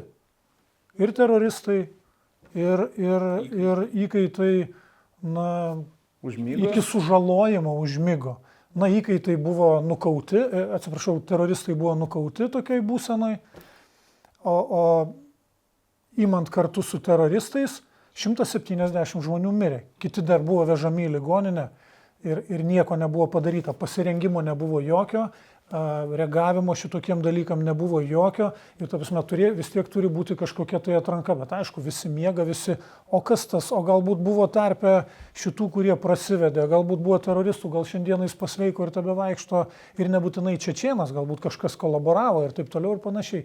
Visa tai nebuvo padaryta ir aš manau, kad tai yra labai nesėkminga operacija, labai gėdinga operacija ir, ir nes žuvo civiliai žmonės. Būtent būtent nuo specialių operacijų pajėgų rankos. Ir ten dalyvavo na, tokie, tokie kaip FSB Alfa, ten Vimpelas, Varėjimo Sobras. Na, na, tai buvo labai jungtinė operacija. Ja, jungtinė rimta, bet, bet vėlgi labai didelė bėda, kad matomai nebuvo iš anksto numatyti kas valdys situaciją, geriausia, kad tai būtų koks nors civilis žmogus neutralus ir aš įsivaizduoju, kad konfliktai vyko tarp VRM, tarp kariuomenės, tarp, tarp visų tų atskirų padalinių, visi nori vadovauti ir aš įsivaizduoju, kad tai irgi labai kliudė. Tai va tokie mano pastebėjimai apie operaciją. O man yra taip pat e, iš savo tos, e, sakykime, patirties arba to, man yra dvi operacijos, kurios kelia žiaurę nuostabą ir kur visada visiems sakau kaip geriausią pavyzdį. Tai yra viena operacija yra operacija Entebė. Tai yra Izraelio spėspajėgų operacija, kurioje jie iš Izraelio nuskrydo lėktuvais, iš Ugandos e, sostinės O Entebės oro uosto išvadavo pagrobtus žydų tautybės. Solomono vadinosi ta operacija? Ne, ne, ne, Entebė. Tai va, tai ten palesti, palestiniečių išsivadavimo fronto nariai pagrobė visą lėktuvą, nuskraidino į Ugandą, kur Ugandos prezidentas Aminas uh, prieš tai draugavęs su Izraeliu, bet, na, ta prasme, matyt, buvo papirktas ar dar kažką, davė prieglupsti ir jau buvo atskirti, kurie yra žydų tautybės, ne žydų tautybės. Ir čia greičiausiai būtų vedę dėrybas ilgas ir finale Izraelio vadovybė, politinė vadovybė priėmė sprendimą vykdyti tą karinę operaciją. Buvo labai gražiai sužaista, kad skrydo keletas C-130, tai Herkulės lėktuvai Jie skrydo būtent į Raudnąją jūrą, kur turėjo skristi ir civilinis lėktuvas, keleivinis, kaip visada. Ir jie prisidengdami tuo, kad matyt nebus, nebus, nebus sekama taip atidžiai, nes tai įprastas maršrutas, sugebėjo nuskristi, imitavo, turėjo tokį patį Mercedesą kaip ir Ugandos prezidentas Aminas Ir būtent tas leido jiem, vat, nusileidus, staigiai važiuoti kurikaitai ir neutralizuoti pirmus sargybinius. Tačiau ne jie pirmi paleido šūvį, o šūvį paleido pirmasis sargybinis ir vien kodėl? Todėl, kad dieną prieš tai Aminas nusipirko naują Mercedesą, šį kartą baltą. Tai čia buvo vat, vienintelis dalykas, kurio nežinojo, bet apskritai man labai daug įneša tą operaciją. Jie iš 107 ar 108 išvadavo 102 įkaitus, nes keli žuvo, o dar keli buvo išvesti, išvežti į ligoninę ten Ugandos ir jų likimas greičiausiai buvo, na, toks ne visai pavydėtinas. Tai va, tai operacija žiauriai pavykusi ir visa kita, bet kas labai gerai, labai daug atskleidžia apie patį planavimo procesą, kada žv Izraelio žvalgybos specialistai sugebėjo rasti specialistus, kurie statė šitą oro uostą. Tai jie sugebėjo per kelias dienas pastatyti iš kardoninių ten skydų mini maketą šito, kad galėtų spespaigos ir pasitreniruoti ir visa kita. Buvo išdirbti net keli variantai. Pavyzdžiui, buvo nuspręsta, kad šalia to oro uosto yra didžiulis ežeras ir buvo suplanuotas desantininkus mesti, bet po to sužinojo, kad ten yra daug krokodilų. Tai nusprendė nešokti parašiutų į tą ežerą. Tai va, tai vienu žodžiu, labai labai tokia gera, detaliai planuota ir sėkmingai įvykdyta operacija. O kita man operacija yra kaip pavyzdinis e, toksai, tikrai geras pavyzdys, kaip šalis neturinti jokių spets pajėgų, bet likimas jiem leido arba privertė skubos tvarka parengti tokias pajėgas, aišku, amerikiečiai padėjo. Aš kalbu apie Peru ir kai buvo užgraupta Perų sostinėje Limoje Japonijos ambasada, kurioje vyko ambasadoriaus berots 60-mečio šventimas gimtadienio. Ir buvo 500 svečių ir turėjo netgi Perų prezidentas atvažiuoti ir tuo metu at, Peru viena iš teroristinių organizacijų, Tupako Amaro, e, šviečiantis takas. Šitą 14 žmonių įsiveržė ginkluotė ir, ir paėmė įkaitais visus 500, bet po kelių dienų po truputį paleidinėjo, paleidinėjo ir pasiliko e, iš viso 72 žmonės įkaitais ir tarptų įkaitų buvo buvęs, e, buvęs Perų specialių operacijų pajėgų vadas. Jisai, kas įdomiausia, toks įdomus pavyzdys, e, e, į ten per tuos tarpininkus, kurie eidavo ten kalbėtis, dėrėtis su šitais teroristais, e, jam perdavė mikrofoną ir jis toks vaidino ne visai, kaip sakant, kaip sakant, psichišką ligonį, jis vaikščiodavo ir dainuodavo su gitara visada, o dainuodavo ką, tą, ką matydavo. Vat yra teroristas, to vis to, ginkluotė tokia. Jis eina mėgoti tada ir tada ir taip, vat, kaip sakant, automatiškai vyko informacijos rinkimas. Tuo pat metu, kaip ir sakiau, buvo priimtas sprendimas parengti specialių operacijų paėgas, du padaliniai, geriau elitiniai padaliniai buvo atrinkti, buvo sukurta, pastatytas lygiai toks pat ambasados pastatas ir amerikiečių instruktoriai rengė vat, Perų šitos du padalinių karius. Ir tai viskas truko pusę metų dėrybos antiek buvo susigyventa, kad jau tie teroristai ir futbolą žaisdavo ir ten pakankamai gerai, kaip sako. Tai ten jiem kartais atjungdavo elektrą, kai kartais ten vandenį atjungdavo, bet jie visada pasidėrėdavo ir visa kita. Tai buvo iškasti tuneliai po žemę ir kito, ir finale labai sėkminga operacija.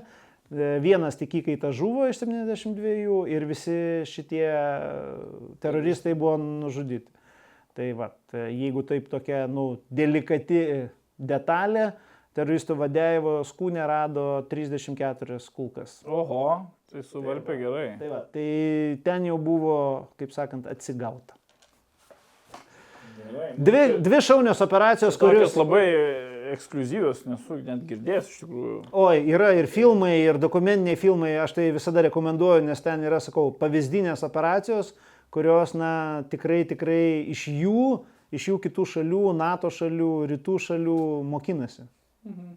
O kokį, vat, dar jūs paminėjote vat, tą Nordostą? Nordostą, kokį jūs pasakytumėt, vat, tikrai labai nepavykusi spės pajėgų operacija? Šiaip yra kokia? E, Į galvą šaunantį dabar. Pat, pats greičiausias šovė iš tikrųjų vėlgi Rusija. Rusija ir, kaip žinot, e, šitas e, mokykla. Basajevas, e, Basa, mokykla irgi yra žiaurus pavyzdys, kur ten... Beslano, kaip ten? Jo, Beslano, Beslano mokykla, bet yra ir, kur Basajevas darė reidą į Budionovską, jeigu žinot, ten užėmė ligoninę, ten, nu, ten kalėsi daug. Bet čia daugiau, sakykim, tokia buvo, Rusija tai įvardina, na, nu, kaip čia, armijos operacija. Uh, bet jie, kai atsitraukinėjo, buvo nuspręsta jų nebe, buvo iš pradžių sutikta, kad jie su autobusais grįžtų į Čečenį ir dalį kelio nuvažiavo, kur tada jų sraigtasmenis viską apšaudė ir tada jie užsėdo Peromaisko kaime, gyventojai iškasė apkasus ir visa kita. Ir tada buvo nuspręsta iš Rusijos pusės pasitelkti um, spės pajėgų, tą pačią Alfa, Vimpelą buvo kariai. Ir kas man labai vat, skaudu yra, kad kariai buvo pasiūsti į E, išeitinės pozicijas ir kaip mes sakom, laukia tik tai žalio, žalio švilpuko, tai yra good to go ir pradėti operaciją ir kariai laukia 3 dienas, šaltis maždaug minus 15, minus 20. Ir po trijų parų kažkam tai neišlaikė nervas, pradėjo šaudyti su gradu. Ir tik tada kariai pradėjo kilti iš išeitinių pozicijų, tada tik tai vadovybė atsiminė, kad išsiuntė spės paėgas į išeitinės pozicijas.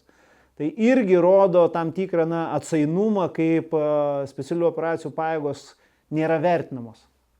Nėra vertinamos, Bet čia aš vėlgi ne todėl, kad nėra vertinamas, bet greičiausiai tos operacijos vadovybė niekada nebuvo susidūrusi su spės pajėgom, nežinojo, kaip jas teisingai panaudoti, tiesiog žinių trūkumas ir nuveda iki tokio. Ir tada vien apšalusių karių buvo virš 20 ir žuvo keli net. Tai va nuo pačių savo ugnies, e, kai gradas buvo apšaudę jų pozicijas. Tai va, tai va tokie yra niuansai ir, ir skaudžios pamokos. Bet tų skaudžių pamokų yra ir, ir, ir, ir su to pačiu, kaip sakant, ir Izraelio spės pajėgom, kur irgi po olimpiados vat, vykdė tam tikrą, buvo duota komanda, kad surasti visus organizatorius.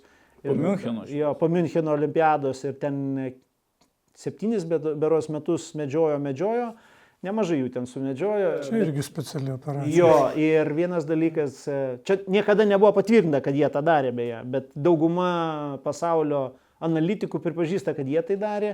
Ir Norvegijos. Čia ne Mosadas, Mosadas kitokiais dalykais labiau Izraelį gal. Na, čia galim tik spėlioti. Tai čia, kaip sakant, ir finale, finale Lillehammeryje, kaip sako, neutralizavo ne tą, o nužudė labai panašų žmogų. Tai va, tai va irgi yra tam tikrų nesėkmių, kurios pasitaiko visiems ir tu negali būti apsaugotas, kai dirbi, nu, tokioj, tokį sudėtingą darbą.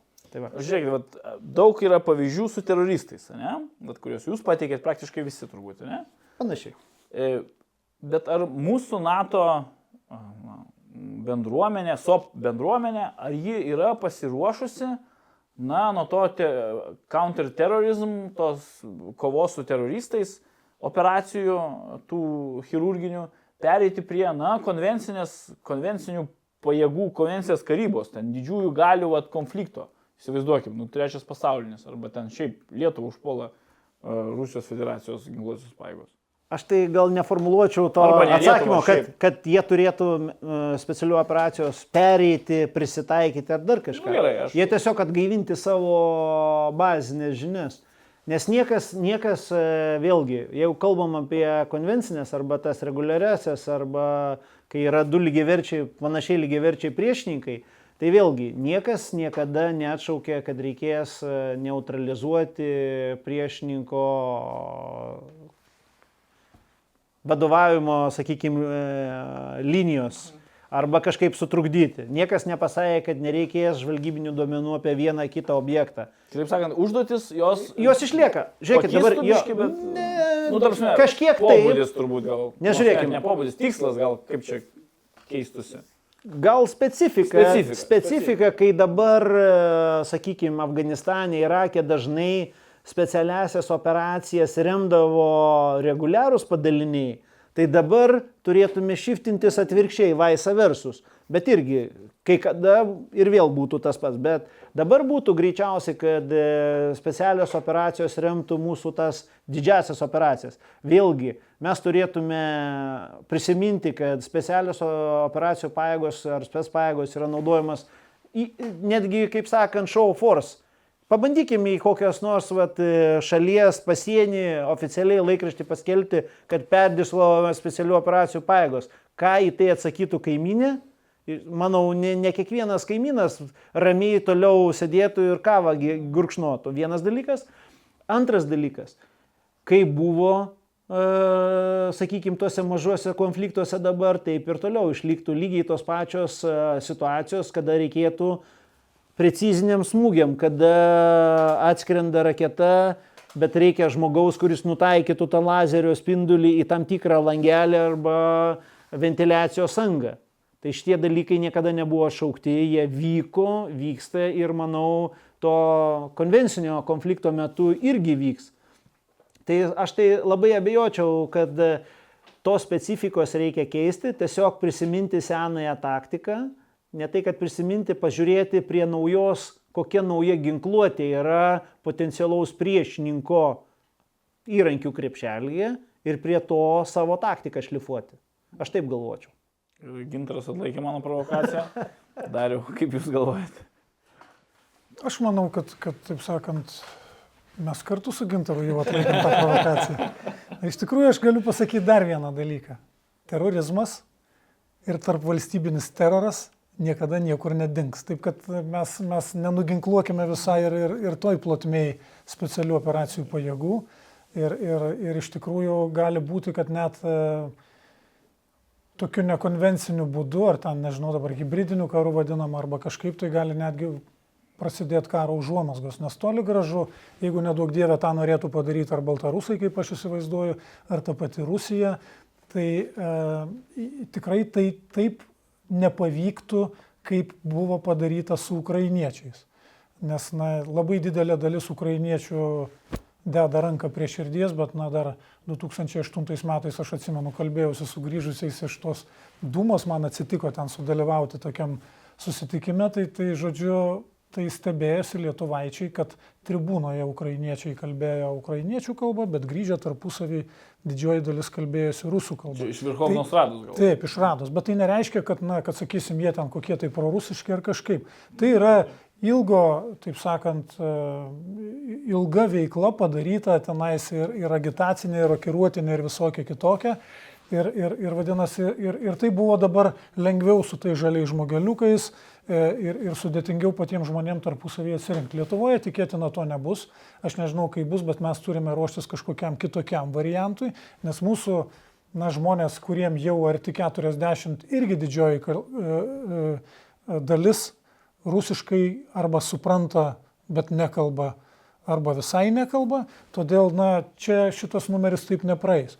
Tai vadinasi ir negalima bus apkaltinti. Aš įsivaizduoju, kad, kad tą dalyką galima padaryti ir per, ir per išpolių prizmę, ir sukelti reušės kokiuose nors kalėjimuose, ir padaryti kokį nors na, pseudo teroristinį aktą, kas po to, nu, taip sakant, nuvestų fokusą visų a, pajėgumų į šituos dalykus, o tuo tarpu galima būtų okupuoti kokį nors Lietuvos kampą ar dar kažką tai panašaus.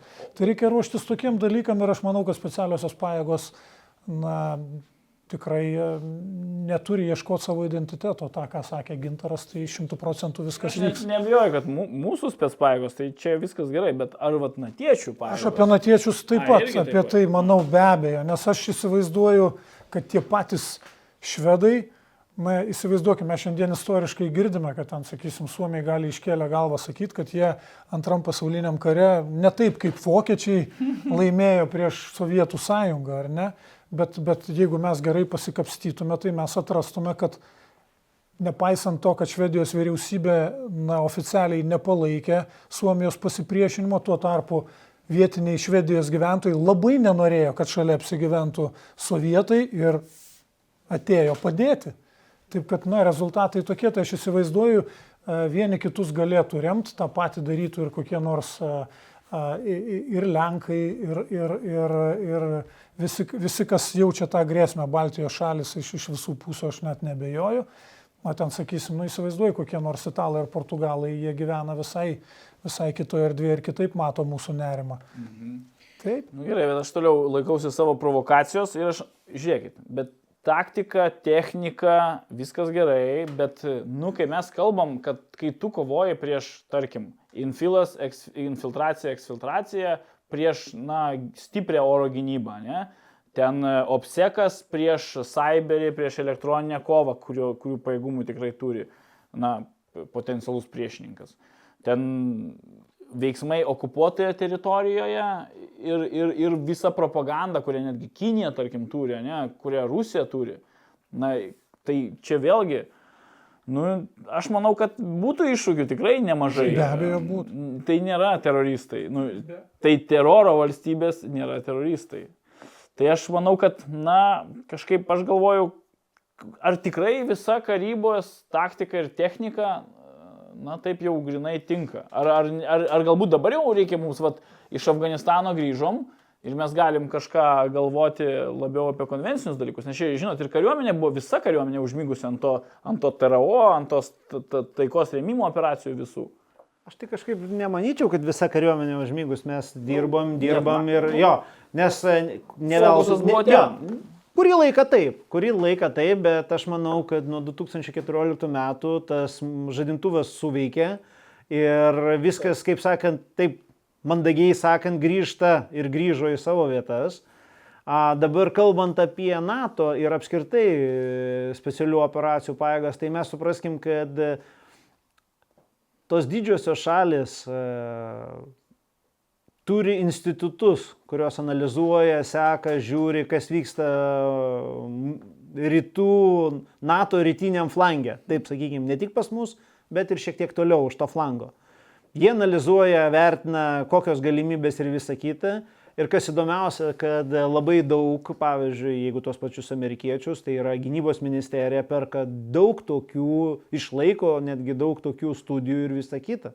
Tai jie modeliuoja, automatiškai tas visas modeliavimas, jis kur nueina? Jis nueina į pajėgas naina ne tik į oro pajėgų ar ten elektroninės kovos, bet naina ir specialių operacijų pajėgas.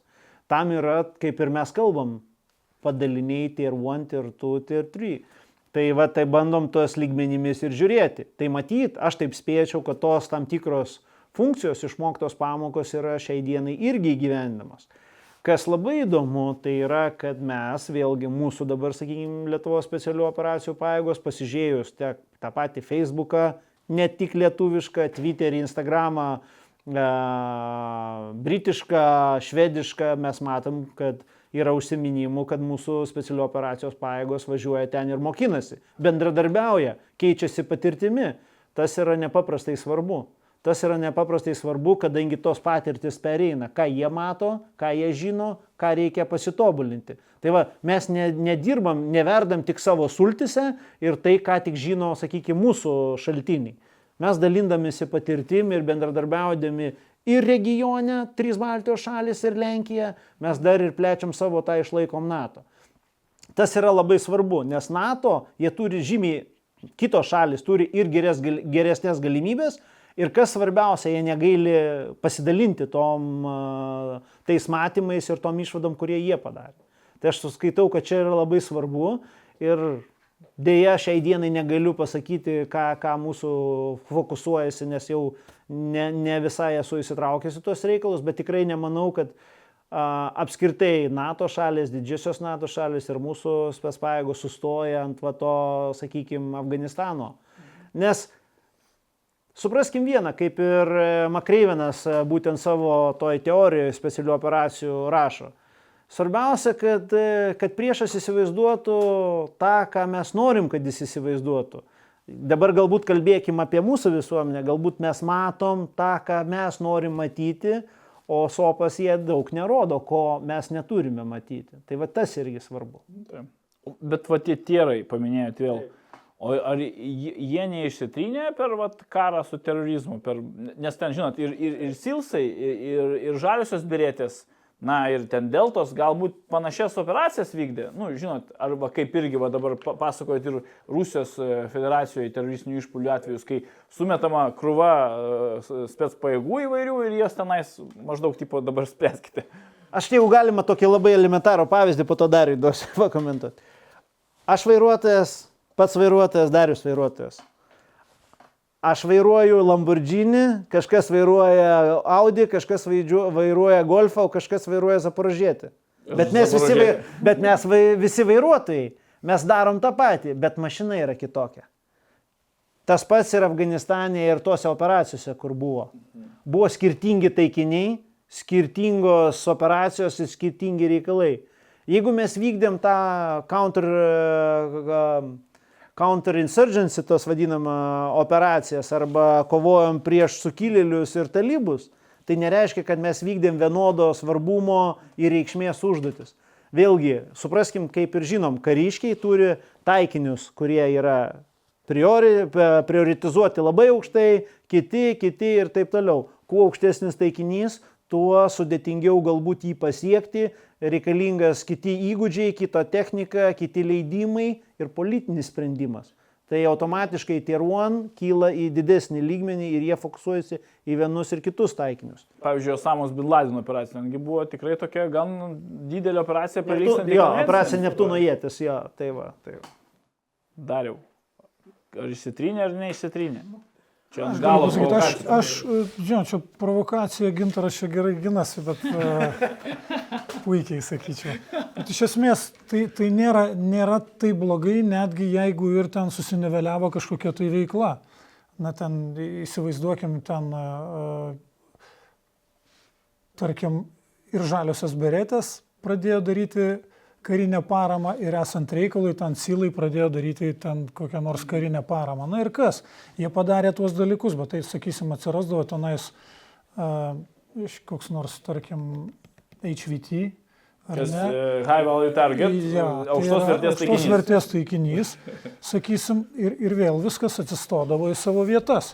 Sakysim, na, ten, sakysim, jeigu tai yra Silų šešta komanda, ar ten, ten, pavyzdžiui, aš nežinau, iš vis ten įvardinkim tie 30, kurie buvo kažkokia tai speciali rinktinė, jie daro savo veiksmus, kažkas daro kordoną, kažkas daro taip.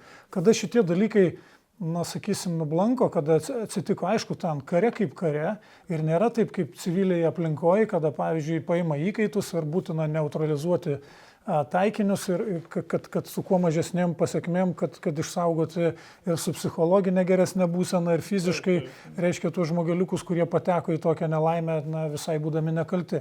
Tuo tarpu tenais, na, pagrindiniai tikslai iš esmės būdavo kokie - neutralizuoti priešą. Randi žydinį, padarai pasalą, padarai reidą ir, ir viskas atsitinka. Ir vadinasi, ir, ir, ir na, negalėjo visi ten važinėti ten didžiulę gyvatę po 70 mašinų arba skraidyti ten su kokiais 8 raiktais. Operacija turi būti staigi, greita, vadinasi, ir tie daro tą, ir tie daro tą. Vadinasi, atvykus reikia padaryti ten ir, ir, ir, ir, ir įkalčių vi- visą įvertinimą, ir apžiūrą, ir, ir apklausą. Visi darė tą, ką reikėjo. Lygiai taip pat kaip visiems kariuomeniai reikia žygiuoti, kada yra na, kok- koks nors paradas, kai reikia Klausykit, pažangint Softai tikrai nemėgsta žygiuoti. Bet vis dėlto, tai vat, aš pabaigsiu, jeigu galima, tai va šitoje situacijoje aš įsivaizduoju, kad, e, kad esant reikalui viskas atsistodavo į savo vietas. Taip galbūt kažkas iš tier 2 ar tier 3 ėmė galvoti, kad jie gali daryti tą dalyką. Bet kai tik atsistikdavo tokie dalykai, kaip pavyzdžiui, kažkuriais tai metais Australam reikėjo virš 70 valandų šturmuoti a, ir, ir priešas gynėsi ne taip, kaip, vat, vat, kaip jūs sakot, kad na, Tai, tai įsivaizduokit, reikalinga pamaina ir kada visą šitą dalyką daro ir, ir, ir be perstojo žmonėm baigėsi ir amunicija ir visa kita, jie turi turėti kažkokią pamainą. Ir tada, kada tier 1 keičia tier 2, visi pamato, kas ko vertas. Taip kad, na, kaip sako, kažkas su Lamborghiniu, kažkas su Zaporožiečiu. Taip. Toks ir pavyzdys, va, ką Darius sakė, bet dabar pirmą džiaugas, tai kad supanašėjo, tai jiem bus lengviau pereiti atrankai į Tirboną. Vienas dalykas, o, o jeigu pavyzdys, tai e, vienos aš kaip turėjau misiją, tai va, teko, teko, sakykim, gyvai, ne tai kaip gyvai, bet e, būnant štabe matyti situaciją. Nevardinsiu šalies, bet e, to šalies du piliečiai buvo paimti įkaitais ir jie buvo transportuojami link Pakistano. Ir būtent, o žinot, e, įkaitų vadavimo operacijos dažniausiai, bent jau NATO perspektyvoje, yra tų pačių šalių kaip ir reikalas atsakomybė, nebent ta šalis e, pasikviestų kitus padėti. Tai irgi ta šalis turėjo savo spės pajėgas ir jie buvo iš pradžių pasiryžę tą įvykdyti įkaitų vadavimą, bandyti automobilių stabdyti ir tuos e, įkaitus išvaduoti. E, Bet įvertinę visą situaciją buvo pasitelkta sąjungininkai, konkrečiai Britai e, SS ir amerikiečiai e, šitą būtent e, Navy Seals šeštą komandą. Tai va, ir jie tą operaciją įvykdė. Po to, ką ir Darius minėjo, tai yra vėlgi, kad jau Afganistane gyvenom pakankamai tokiam civilizuotam pasauliu. Reikėjo surinkti ir įkalčius, ir prokuroram viską atiduoti, aprašyti, sužiūrėti. Tai va ta šalis ir pabaigė viską tvarkyti, kaip ir priklauso visą kitą. Tai va tai tas pasiskirstimas niekur nedingo netgi toje, toje va, plotmėje ir pati šalis, sakau, įvertino, kad na, nepavešim. Tai aš tik kai paklausau jūsų, aš suprantu, kad iš, visgi, nors ir esame maža valstybė, ir gal ir spetspaėgos yra mažos, bet iš tikrųjų gerai, kai turim draugų, kurie tikrai, ir manau, susidirbę esam ir, ir laik, kai reiks, tikrai padės. Tai ačiū labai Jums e, už dalyvavimą podcast'e mūsų laidoje, o su gerbimai žiūrovai susimatysime kitoje laidoje. Viso geriausio.